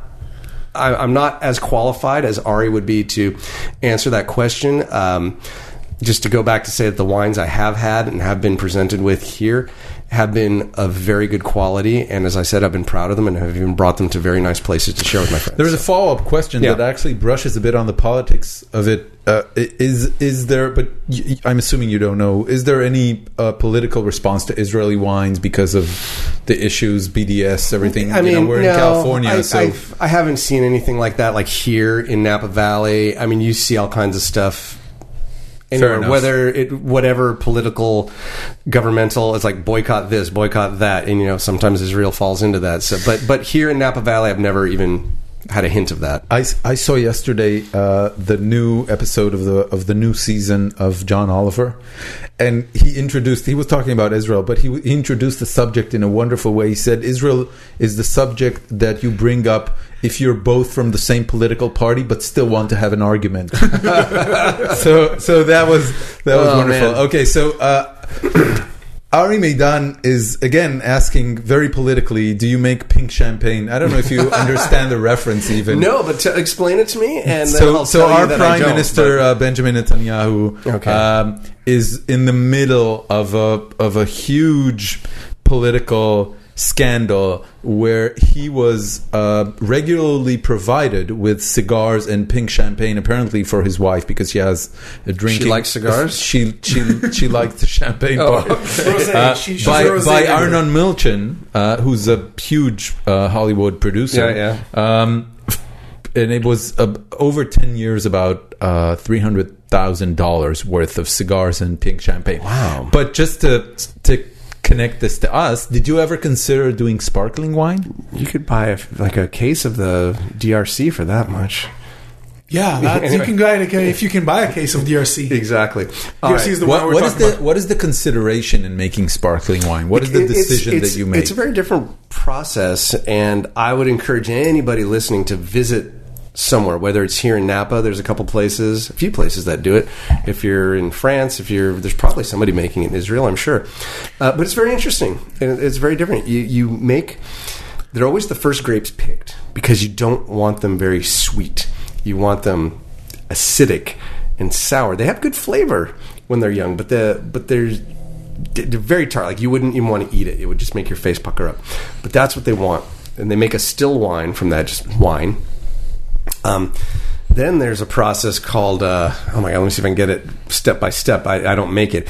There is the um, dosage, which they inject into the bottle. Actually, once they, they bottle the wine, then they inject this mixture of yeast and sugar. The, they don't enjoy. They what they do is they put a beer cap on it. So they put the Well, yeast and sugar, and then they put a beer cap. Right, that's what I'm getting at. They put the It's not like a needle that we were talking about. No, I'm sorry. Um, you're right. They they add to it. I Yes. Inject. You're right. It wasn't with a needle, but they add to it yeast and sugar, and then they cap it like with a crown cap, like you'd have on a beer bottle, which seals it up.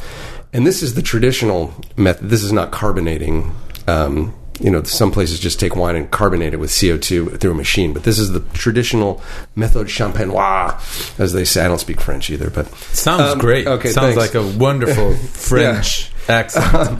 but then inside that bottle, the yeast will start eating the sugar and fermenting, basically, Yeah. which causes not only alcohol to happen. There's already alcohol in there, but this is causing more alcohol. But one of the byproducts of fermentation is carbon dioxide. Okay. And when that carbon dioxide, is under pressure because it's got that beer cap, it can't go anywhere. It um, you know dissolves basically into the solution, and then when um, when they have to put a cork in it, it's a very quick process. The the cap comes off, the cork goes in. They tie the metal uh, wire around it that holds it in place. But that carbon dioxide is still dissolved in the solution, so that's why when you pop a cork, all that pressure is released. The carbon dioxide can come out, just like opening a bottle of beer Yeah. or a can of soda. So the, the traditional method, what they do Oh, the riddling. Tell them about they, that. they yeah. do. Um, there's a cool. It's not a. It's a basically a board that the bottles are hanging on Mm-hmm. from their neck, and every day you go and you give it a quarter turn. Um, side like counterclockwise or clockwise, and then Oh, yeah. lift it a bit up so the yeast, the sediment slides slowly towards the neck. Yeah, it becomes like a plug. Then it becomes a plug after. It depends on how. So when you open it, it actually you remove the discarded. when yeah when you disgorge it that comes out now um, the fancier champagne houses do it over long periods of time Yeah. uh, dom perignon does it over 10 years oh my god! Yeah. Dom, Dom Perignon is a bottle that sits for ten years. 13 i think overall I, I don't know exactly. It's yeah it's something. I, I had there's a champagne house in well a, a sparkling uh, wine house in Sonoma that I had they do um, 20 year That's crazy. That's whiskey. um, yeah Uh, you it, it tastes like bread you drink it and it tastes like brioche That's pretty amazing. And you go to Mumm Napa here; they have a robot that does it. yeah those are cool robots Yeah. Um, Gil Dickman wants to know uh, which type of wine do you let breathe, or generally, what is the process of what's the thing about wine and oxygen and breathing and all this, and how do you do this? oxygen has i mean definitely affects wine in in many ways. And why people say let it breathe um, most commonly is because it might be either a younger wine or a wine that still is very tight. You can tell the the, the full potential isn't quite there. So um, what i like to do if I find a wine like that is a, a younger Cabernet, perhaps it might still be quite tannic. All those lovely fruit flavors aren't coming out. You might want to give it some breathing time um, to allow the oxygen will actually soften the tannin and allow some of those underlying flavors to come out. So if I'm cooking dinner, you know, I'll pop the cork and pour myself maybe a quarter, couple fingers worth, and that allows me to, well, first of all, taste the wine, have a little something to sip while I'm cooking, but then that's going to give the, the wine some time to. Uh, How, how, Open lo- up. how long do you need it to open? and that depends on the wine itself. There's no one simple answer. If there's, um, that's why you see these elegant decanters. Uh, sometimes people will pour the wine into a decanter. Yeah. I very rarely decant an old wine, which some people will do to remove any sediment from the wine. I don't care about sediment. I'd, I'd rather have the sediment than have that old wine, vintage wine, whatever you want to call it, mature sediment, wine. just, uh, Just I'll just declare mishkaim. Mishkaim. Yeah. Exactly. um, it. Um, I don't mind that, but but an older wine isn't going to. S- again, I'm speaking very generally here. Uh, it's not going to stand up to a lot of breathing time. It's going to start to the, the lovely qualities are going to start to dissipate quicker. So I prefer not to decant an older wine. But a younger What, wine, what is considered older? Well, Over 10 years? perhaps it really again it depends Yeah, on the on wine, the wine. itself. If it's a Cabernet, um, if that's a Pinot Noir, that's definitely an old wine. If it's a Cabernet, we're getting into middle age. Yeah, it depends on depends on the wine and the winemaker and the Yeah. style and, and where it's from and, and a lot of variables. and I've seen some. But when you when you open a wine and you taste it, do you know what it needs? Well, oftentimes, if it's something like like that, if I just think, "Oh, this what, is what, really," what should the layman person look right. for Okay. when tasting wine after opening it to know if it should breathe more or right. less or That's a- what's that- what's the technique there? absolutely, this is good. Um, so I'm going to go to Cabernet Sauvignon. Okay. and that is often a wine that uh, does have quite a bit of tannic acid, the, the tongue fuzz we talked about. So if you crack open a bottle of that, and particularly if it's a younger, if it's only you know within five to ten years, you know that's considered on the younger side for Cabernet Sauvignon. It might be very tannic, and you might feel very you know drying sensation in your mouth. There's a clue. Like, well, maybe um, if I have some time, I can just uh, let it sit there. Or if I have a decanter, I can pour it in. If I don't have time and people are coming right away, there's a couple of tricks. If you have a decanter, you can instead of elegantly pouring it down the side, you can just Shake it. upend it into the decanter, just let it chug out, and that's all the all the, the air. But um, uh, yeah, you you picked up. This is a trick my, my father, the winemaker, would do. He'd kind of step out away from everybody and put his thumb over the top and just shake that bottle. You know, You can just put it in a blender. after pour, you could you could do that too. But after pouring out maybe a half a glass, just put his thumb over and just shake the darn thing, and And that'll do it. that'll do it. Interesting. yeah. Okay. Oh, another trick I'll, I'll tell you if you don't have any of that, if you're just cracking the bottle right there, everybody's already been served, the plates are in front of them, you open the bottle, and you're like, oof, this wine is not ready to drink.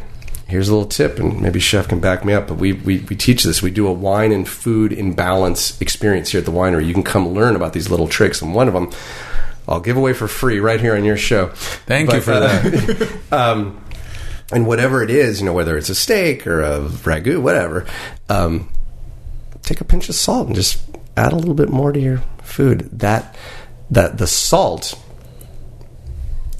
it's really interesting what it does to your tongue. It creates this reaction where the perceived acid of the wine is softened. So, it- if the food is more salty, yeah, but, slightly but of course salty. we don't want salty, salty food. But if you could just, again, if it's a steak that just came off the grill, it had minimal uh, seasoning, you're just going for that nice beefy umami, and there wasn't a lot of salt. Um, if it's already been salted, you, you'll probably be fine. But if it's not, just take a pinch and spread it over your meat. Take a bite. That wine is going to be much softer at that point. That's you. nice. Good, good tip. Uh, Yair Neyman doesn't have a question, but he wants you to know that you look like Tom Cavanagh.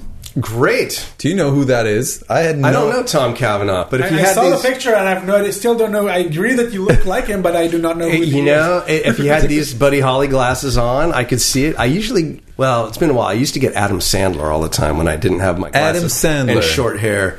Like Fair 20 enough. years ago, but I I, think Adam I think Sandler. he's, he's dramatically more chubby than you are. well, sure. I mean, Adam come on. Sandler. I don't know. Doesn't have your you know physique.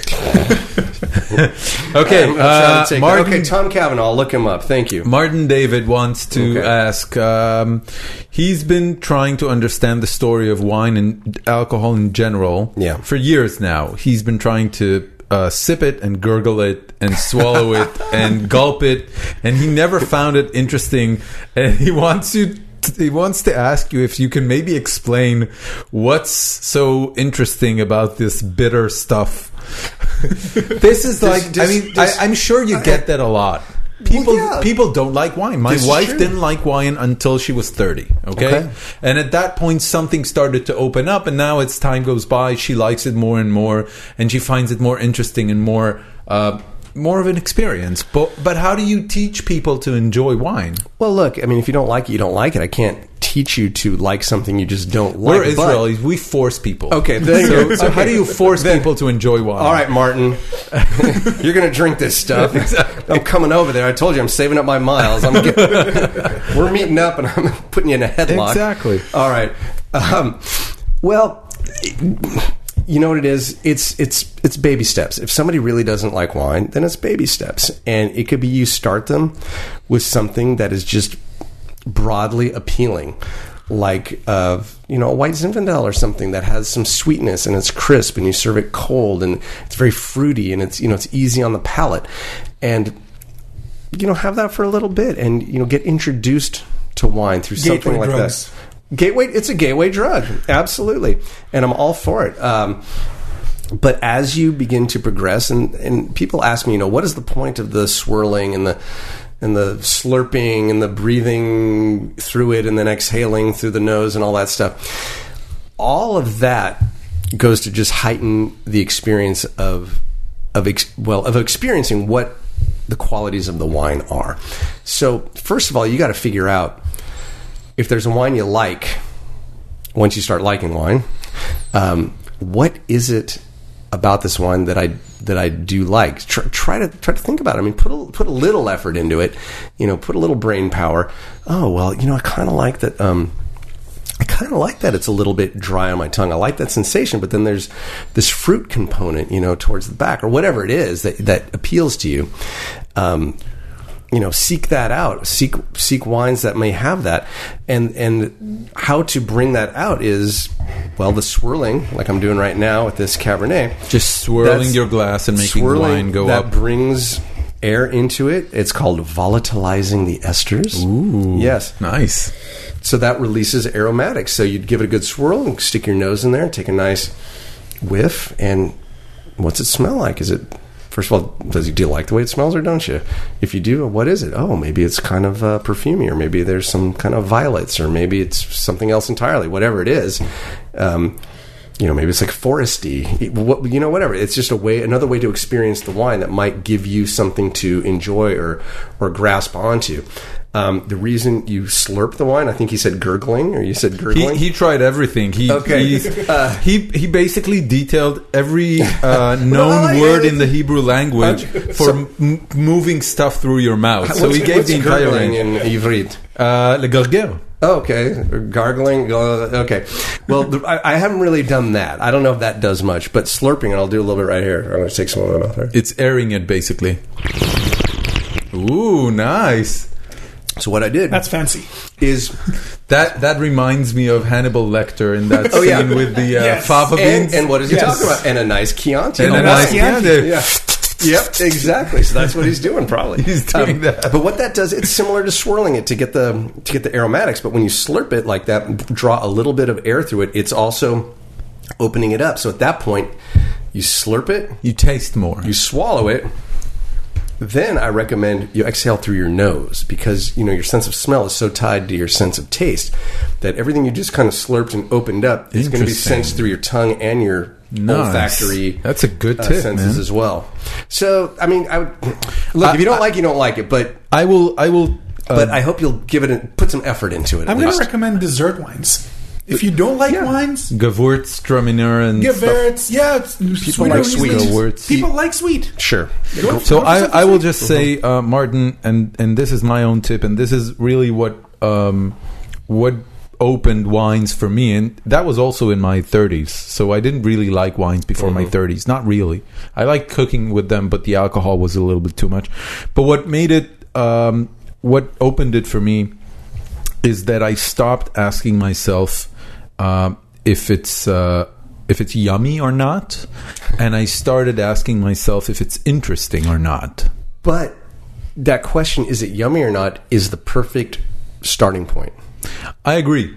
But and then it- you it- can begin and then you exploring. can loo- look into the Yeah. additional flavors because Yeah. wines, for me at least, are just an interesting experience. As far as things that go through your mouth, there are some very flat tastes and very simple tastes, but there are things that have actually interesting tastes. And if you encounter something that's interesting, I think it's worth trying. That's that's the one for me. And can I recommend something? Thinking of wine as it's multifaceted. It's a beverage, a very intriguing and complex beverage, which you can just enjoy as such. It is a food. It's a great compliment. Very nutritious. Well, well, there are medicinal benefits as well, which we can Yeah. get into. You know, good for the cholesterol and whatnot. But, um, but to me, I almost, I'm almost always drinking wine while I'm eating. So to me, it's part of the the, the food of the meal. It's kind of one and the same, um, and you can think of it as such. There, it's also, I think, something that brings people together. It's it's a it's a social lubricant. I don't know about you guys, but for me, there's something about having a glass of red wine that affects me like nothing else. I mean, I could go have a, It's a great buzz. I could go have a nice margarita, and I No, love no, that. man. Don't Wine don't get a- me wrong, a I love a good cocktail. buzz. I like a good beer, but there's something about just a glass of red wine.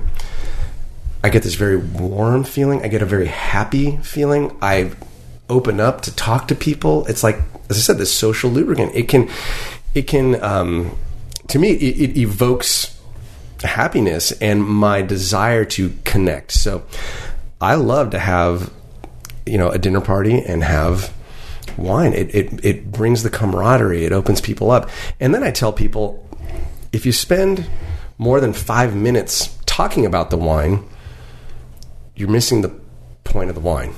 You know, Good. You know, it's like it's That's there. You should enjoy it. You could talk about, oh, what did you bring? Oh, I've got this uh, 2011 Cabernet from Napa Valley. It's great. Yeah, this guy Judd makes it. You'd like him. You should visit him sometime, and then get on with the rest of the conversation, which the wine will then facilitate. You know, your consumption. So- Um, Amit Lowenthal is asking, right. um, do you are you able to distinguish between wines in a blind tasting? Mm. And I will add to that. When I grew up, there was this very um, uh, iconic Hollywood scene where James Bond or whoever that was would taste a wine Yeah. and he would immediately know that it mm, Chateau Margaux, uh, 1982. right. Yeah. Does that really exist? I mean, do- are it- there it- it people that can identify wines to There that are. resolution? there, there are. I can. I am not. What do you mean you can? When I'm in shape, and, and it's totally a shape thing, you need to practice it. Oh yeah, there's no doubt about that. You need to be in shape for tasting, but when I do a tasting, after a few days of tastings, I can tell what the wine is, approximate vintage, and where it's from. So You're this, shitting me. This is in 2003 Chateauneuf du Pape. How does that work? What's going on I- there? Even I, who grew up in this and like from day one was around wine, I'm not sure I can quite do that. I'm I'm pretty good, you know, with varietals. You know, I can. What- what does that mean? The, the variety, the the Oh, Cabernet okay. versus Okay. a Merlot Okay. versus you know Pinot Noir, you know Sauvignon Blanc versus Chardonnay. Like I've got that pretty well down. Uh, maybe I could tell you roughly where it's from. You know, like you know, I can Be- really because of memory, Well- because well, you yeah, remember. and there's certain characteristics that just Give me an Yeah. example to that. Okay, like That- a New. Zealand It's- it's- Sauvignon Blanc has a very distinct characteristic. Almost, at least, almost everyone that I've tasted in this country. Of course, they don't export everything they make, but the ones that make it here to the U.S., there's a very distinct Plastic. characteristic to a New Zealand Sauvignon Blanc. Some people love it. Some people you call it plastic. Some people say petrol. Some people say cat it's uh, pee. the, the most the most uh, well-known um, description of that is a freshly canned, op- a freshly opened can of tennis balls, and that's from a movie called Somm. Oh. Um, Ian Ian uses that in the movie Somm. it's blind tasting. Dude, you're you're we're gonna have the entire New Zealand population, you know, oh, he us. said that, not me. Oh, yeah, No, of but, course. by the way, people, already, well, that's not an insult. This is the strange thing about wine It's descriptors because there's a huge market for that, and people like that character. You can say about French. Uh, you know Burgundies, and this is not. It's insult. rot. People say it's it tastes like a barnyard, or some people some some people who've spent you know thousands of dollars on this bottle will swoon because it it reminds them of chicken shit, and they love it. right? my Fair favorite Okay. wine. That's my not a favorite bad wine thing. smells like must. Must. Must. It's rotten. It smells rotten. Okay, and you like? I love it. It's my. I love it in cheese. I'm not sure I like it in wine. It's it's a matter of preference. When you do blind tasting on wine, it's you start off with what is it not? Am I getting old world or new world? Am I getting red or white, bubbly or not bubbly? All that stuff. So that's you can de- you can derive. It's all derivatives. Is this this? Is this this? No no no no no. So it must be that. Sounds very intellectual and also extraneous. I'll show you the grid at some point. I'll send you. A Okay, thing of the please grid. do. Uh, this is the last question, and this actually started as a very long question, which I asked uh, Yuval, uh, the guy who asked it, to make it shorter. Okay. Uh, what do you got, Yuval? um, what Yuval Shchori uh, wants to know: What do you think about growing grapes outside of their original terroir, like the Argentinian Argentinian Malbec in California or in, in Israel? Uh, do you think wineries should uh, be professional in specific local uh, uh, zanim Varietals. variety varietals? Yeah, Um, or should they try new varietals? How, how does that work Look- for you as a as a winer? I say uh, let your freak flag fly. Like whatever floats your boat, whatever your goals are, I hope you can achieve them with whatever tools you got. Um, I think it's really cool when you can make a great product from what's locally there. I mean, I would be much more intrigued to, um, you know, if I was at a store and looking at the Israeli wine selection and I saw Cabernet Sauvignon, and next to it I saw, and I'm sorry, I don't even know what a indigenous Carignans are great. Carignan is an Israeli. It's not an Israeli varietal, but it grows wonderfully in Israel. Well, that, but I think what he's saying is like, sure, that's different than I think what he's saying. Like, Is what's there, is indigenous? there like regular Carignan wine in Israel? There's some wonderful Carignan wine. It's a, it's a whole story. We, the point is, I would be much more intrigued to try something that I wasn't familiar with. But that's me. I like to be adventurous. So, you know, if you go to other parts, even in the United States, I mean, what we grow here, Cabernet Sauvignon, Merlot, Chardonnay, whatever, that, all that doesn't grow well in other places. So if you go down down south, you know, they've got grapes like Scuppernong and makes a completely different type of wine, and there's a great market for that. Um, but if you can grow Carignan in Israel and make a wonderful wine out of it that people love and makes people happy, why not? Is is there like a, an elitist wine, like wine that that has a very distinct taste and very few people love it, but they're super passionate about it? Is that a category that exists in wine? You're not talking about like labels, like an expensive I'm- label. I'm, You're I'm talking, about, just categories of wine. I don't know if that even exists. I don't know. Um, Are there- Port and Madeira you- you and can, those, those but- specific ones, maybe. Maybe, but there's, is- but is- there's, but there's yeah. so many. It's Yeah. stratified. I mean, there's the high end, there's the low end. Uh, I don't know. Grower champagne, maybe. Uh, you know, What is that? That's like champagne made in Champagne in France. That is made by the people who actually grow the grapes as well. That's kind of become a very niche thing that people like to get their All hands the on. small Italian varieties. Italy has more than 2,000 varieties of grapes. Two thousand. Yeah. So all those little ones, I don't know. Okay. Yeah. I'm not- Okay, we're we're about done. So, first of all, thank you for. Oh, what a uh, pleasure. Thank you for staying over. You mentioned before, uh, you sort of mitigated yourself by saying I only have up until four thirty. Well, I just I just noticed it's after five. I gotta get. I got. Dude, ah, we're five fourteen, so thank you for good. staying No, this long. this let's uh, let's wrap it up with Yeah. our standard uh, round of recommendations. Right. So, um, it could be about wine or just about anything else you care about in life, but Yeah. make it your own. Um, I would recommend, well, in the world of wine, just, you know, have an open mind, be adventurous, but you know, stick to what you like. Whether it's a hundred bucks or five bucks, man, whatever that bottle is, um, if it brings you joy, do it. And I think that's my recommendation in general For life. for life: is be kind, have fun, don't harm others in the process, but just do what you like. And as I said about the, you know, let your freak flag fly. I'd say That's a good. that- that's, a my good recommendation line. right Let your there. freak flag fly. yeah, man. Itamar. Um, I'm going to recommend three things. One is actually here in this winery. Okay. It is their blending experience. Oh, What thank is that? You can come here and they provide you with the raw wine from a barrel, Several different barrels. several different barrel, barrels, and you can mix your own mix of wine. And you come up with a bo- bottle or two or a case or however much you want for You it. can The mi- have a- minimum is four, and then you can of go up to a case, a barrel, whatever you Yeah, want. and, and you mix your own wine, and it's it's your. There's nothing like it elsewhere. Thank you. It's like making your own perfume kind exactly, of thing. Yeah, exactly. We call it our So- bottle blending day camp. Nice. It is it is a wonderful experience. You learn a lot about wine. So that's my first ex- uh, first recommendation.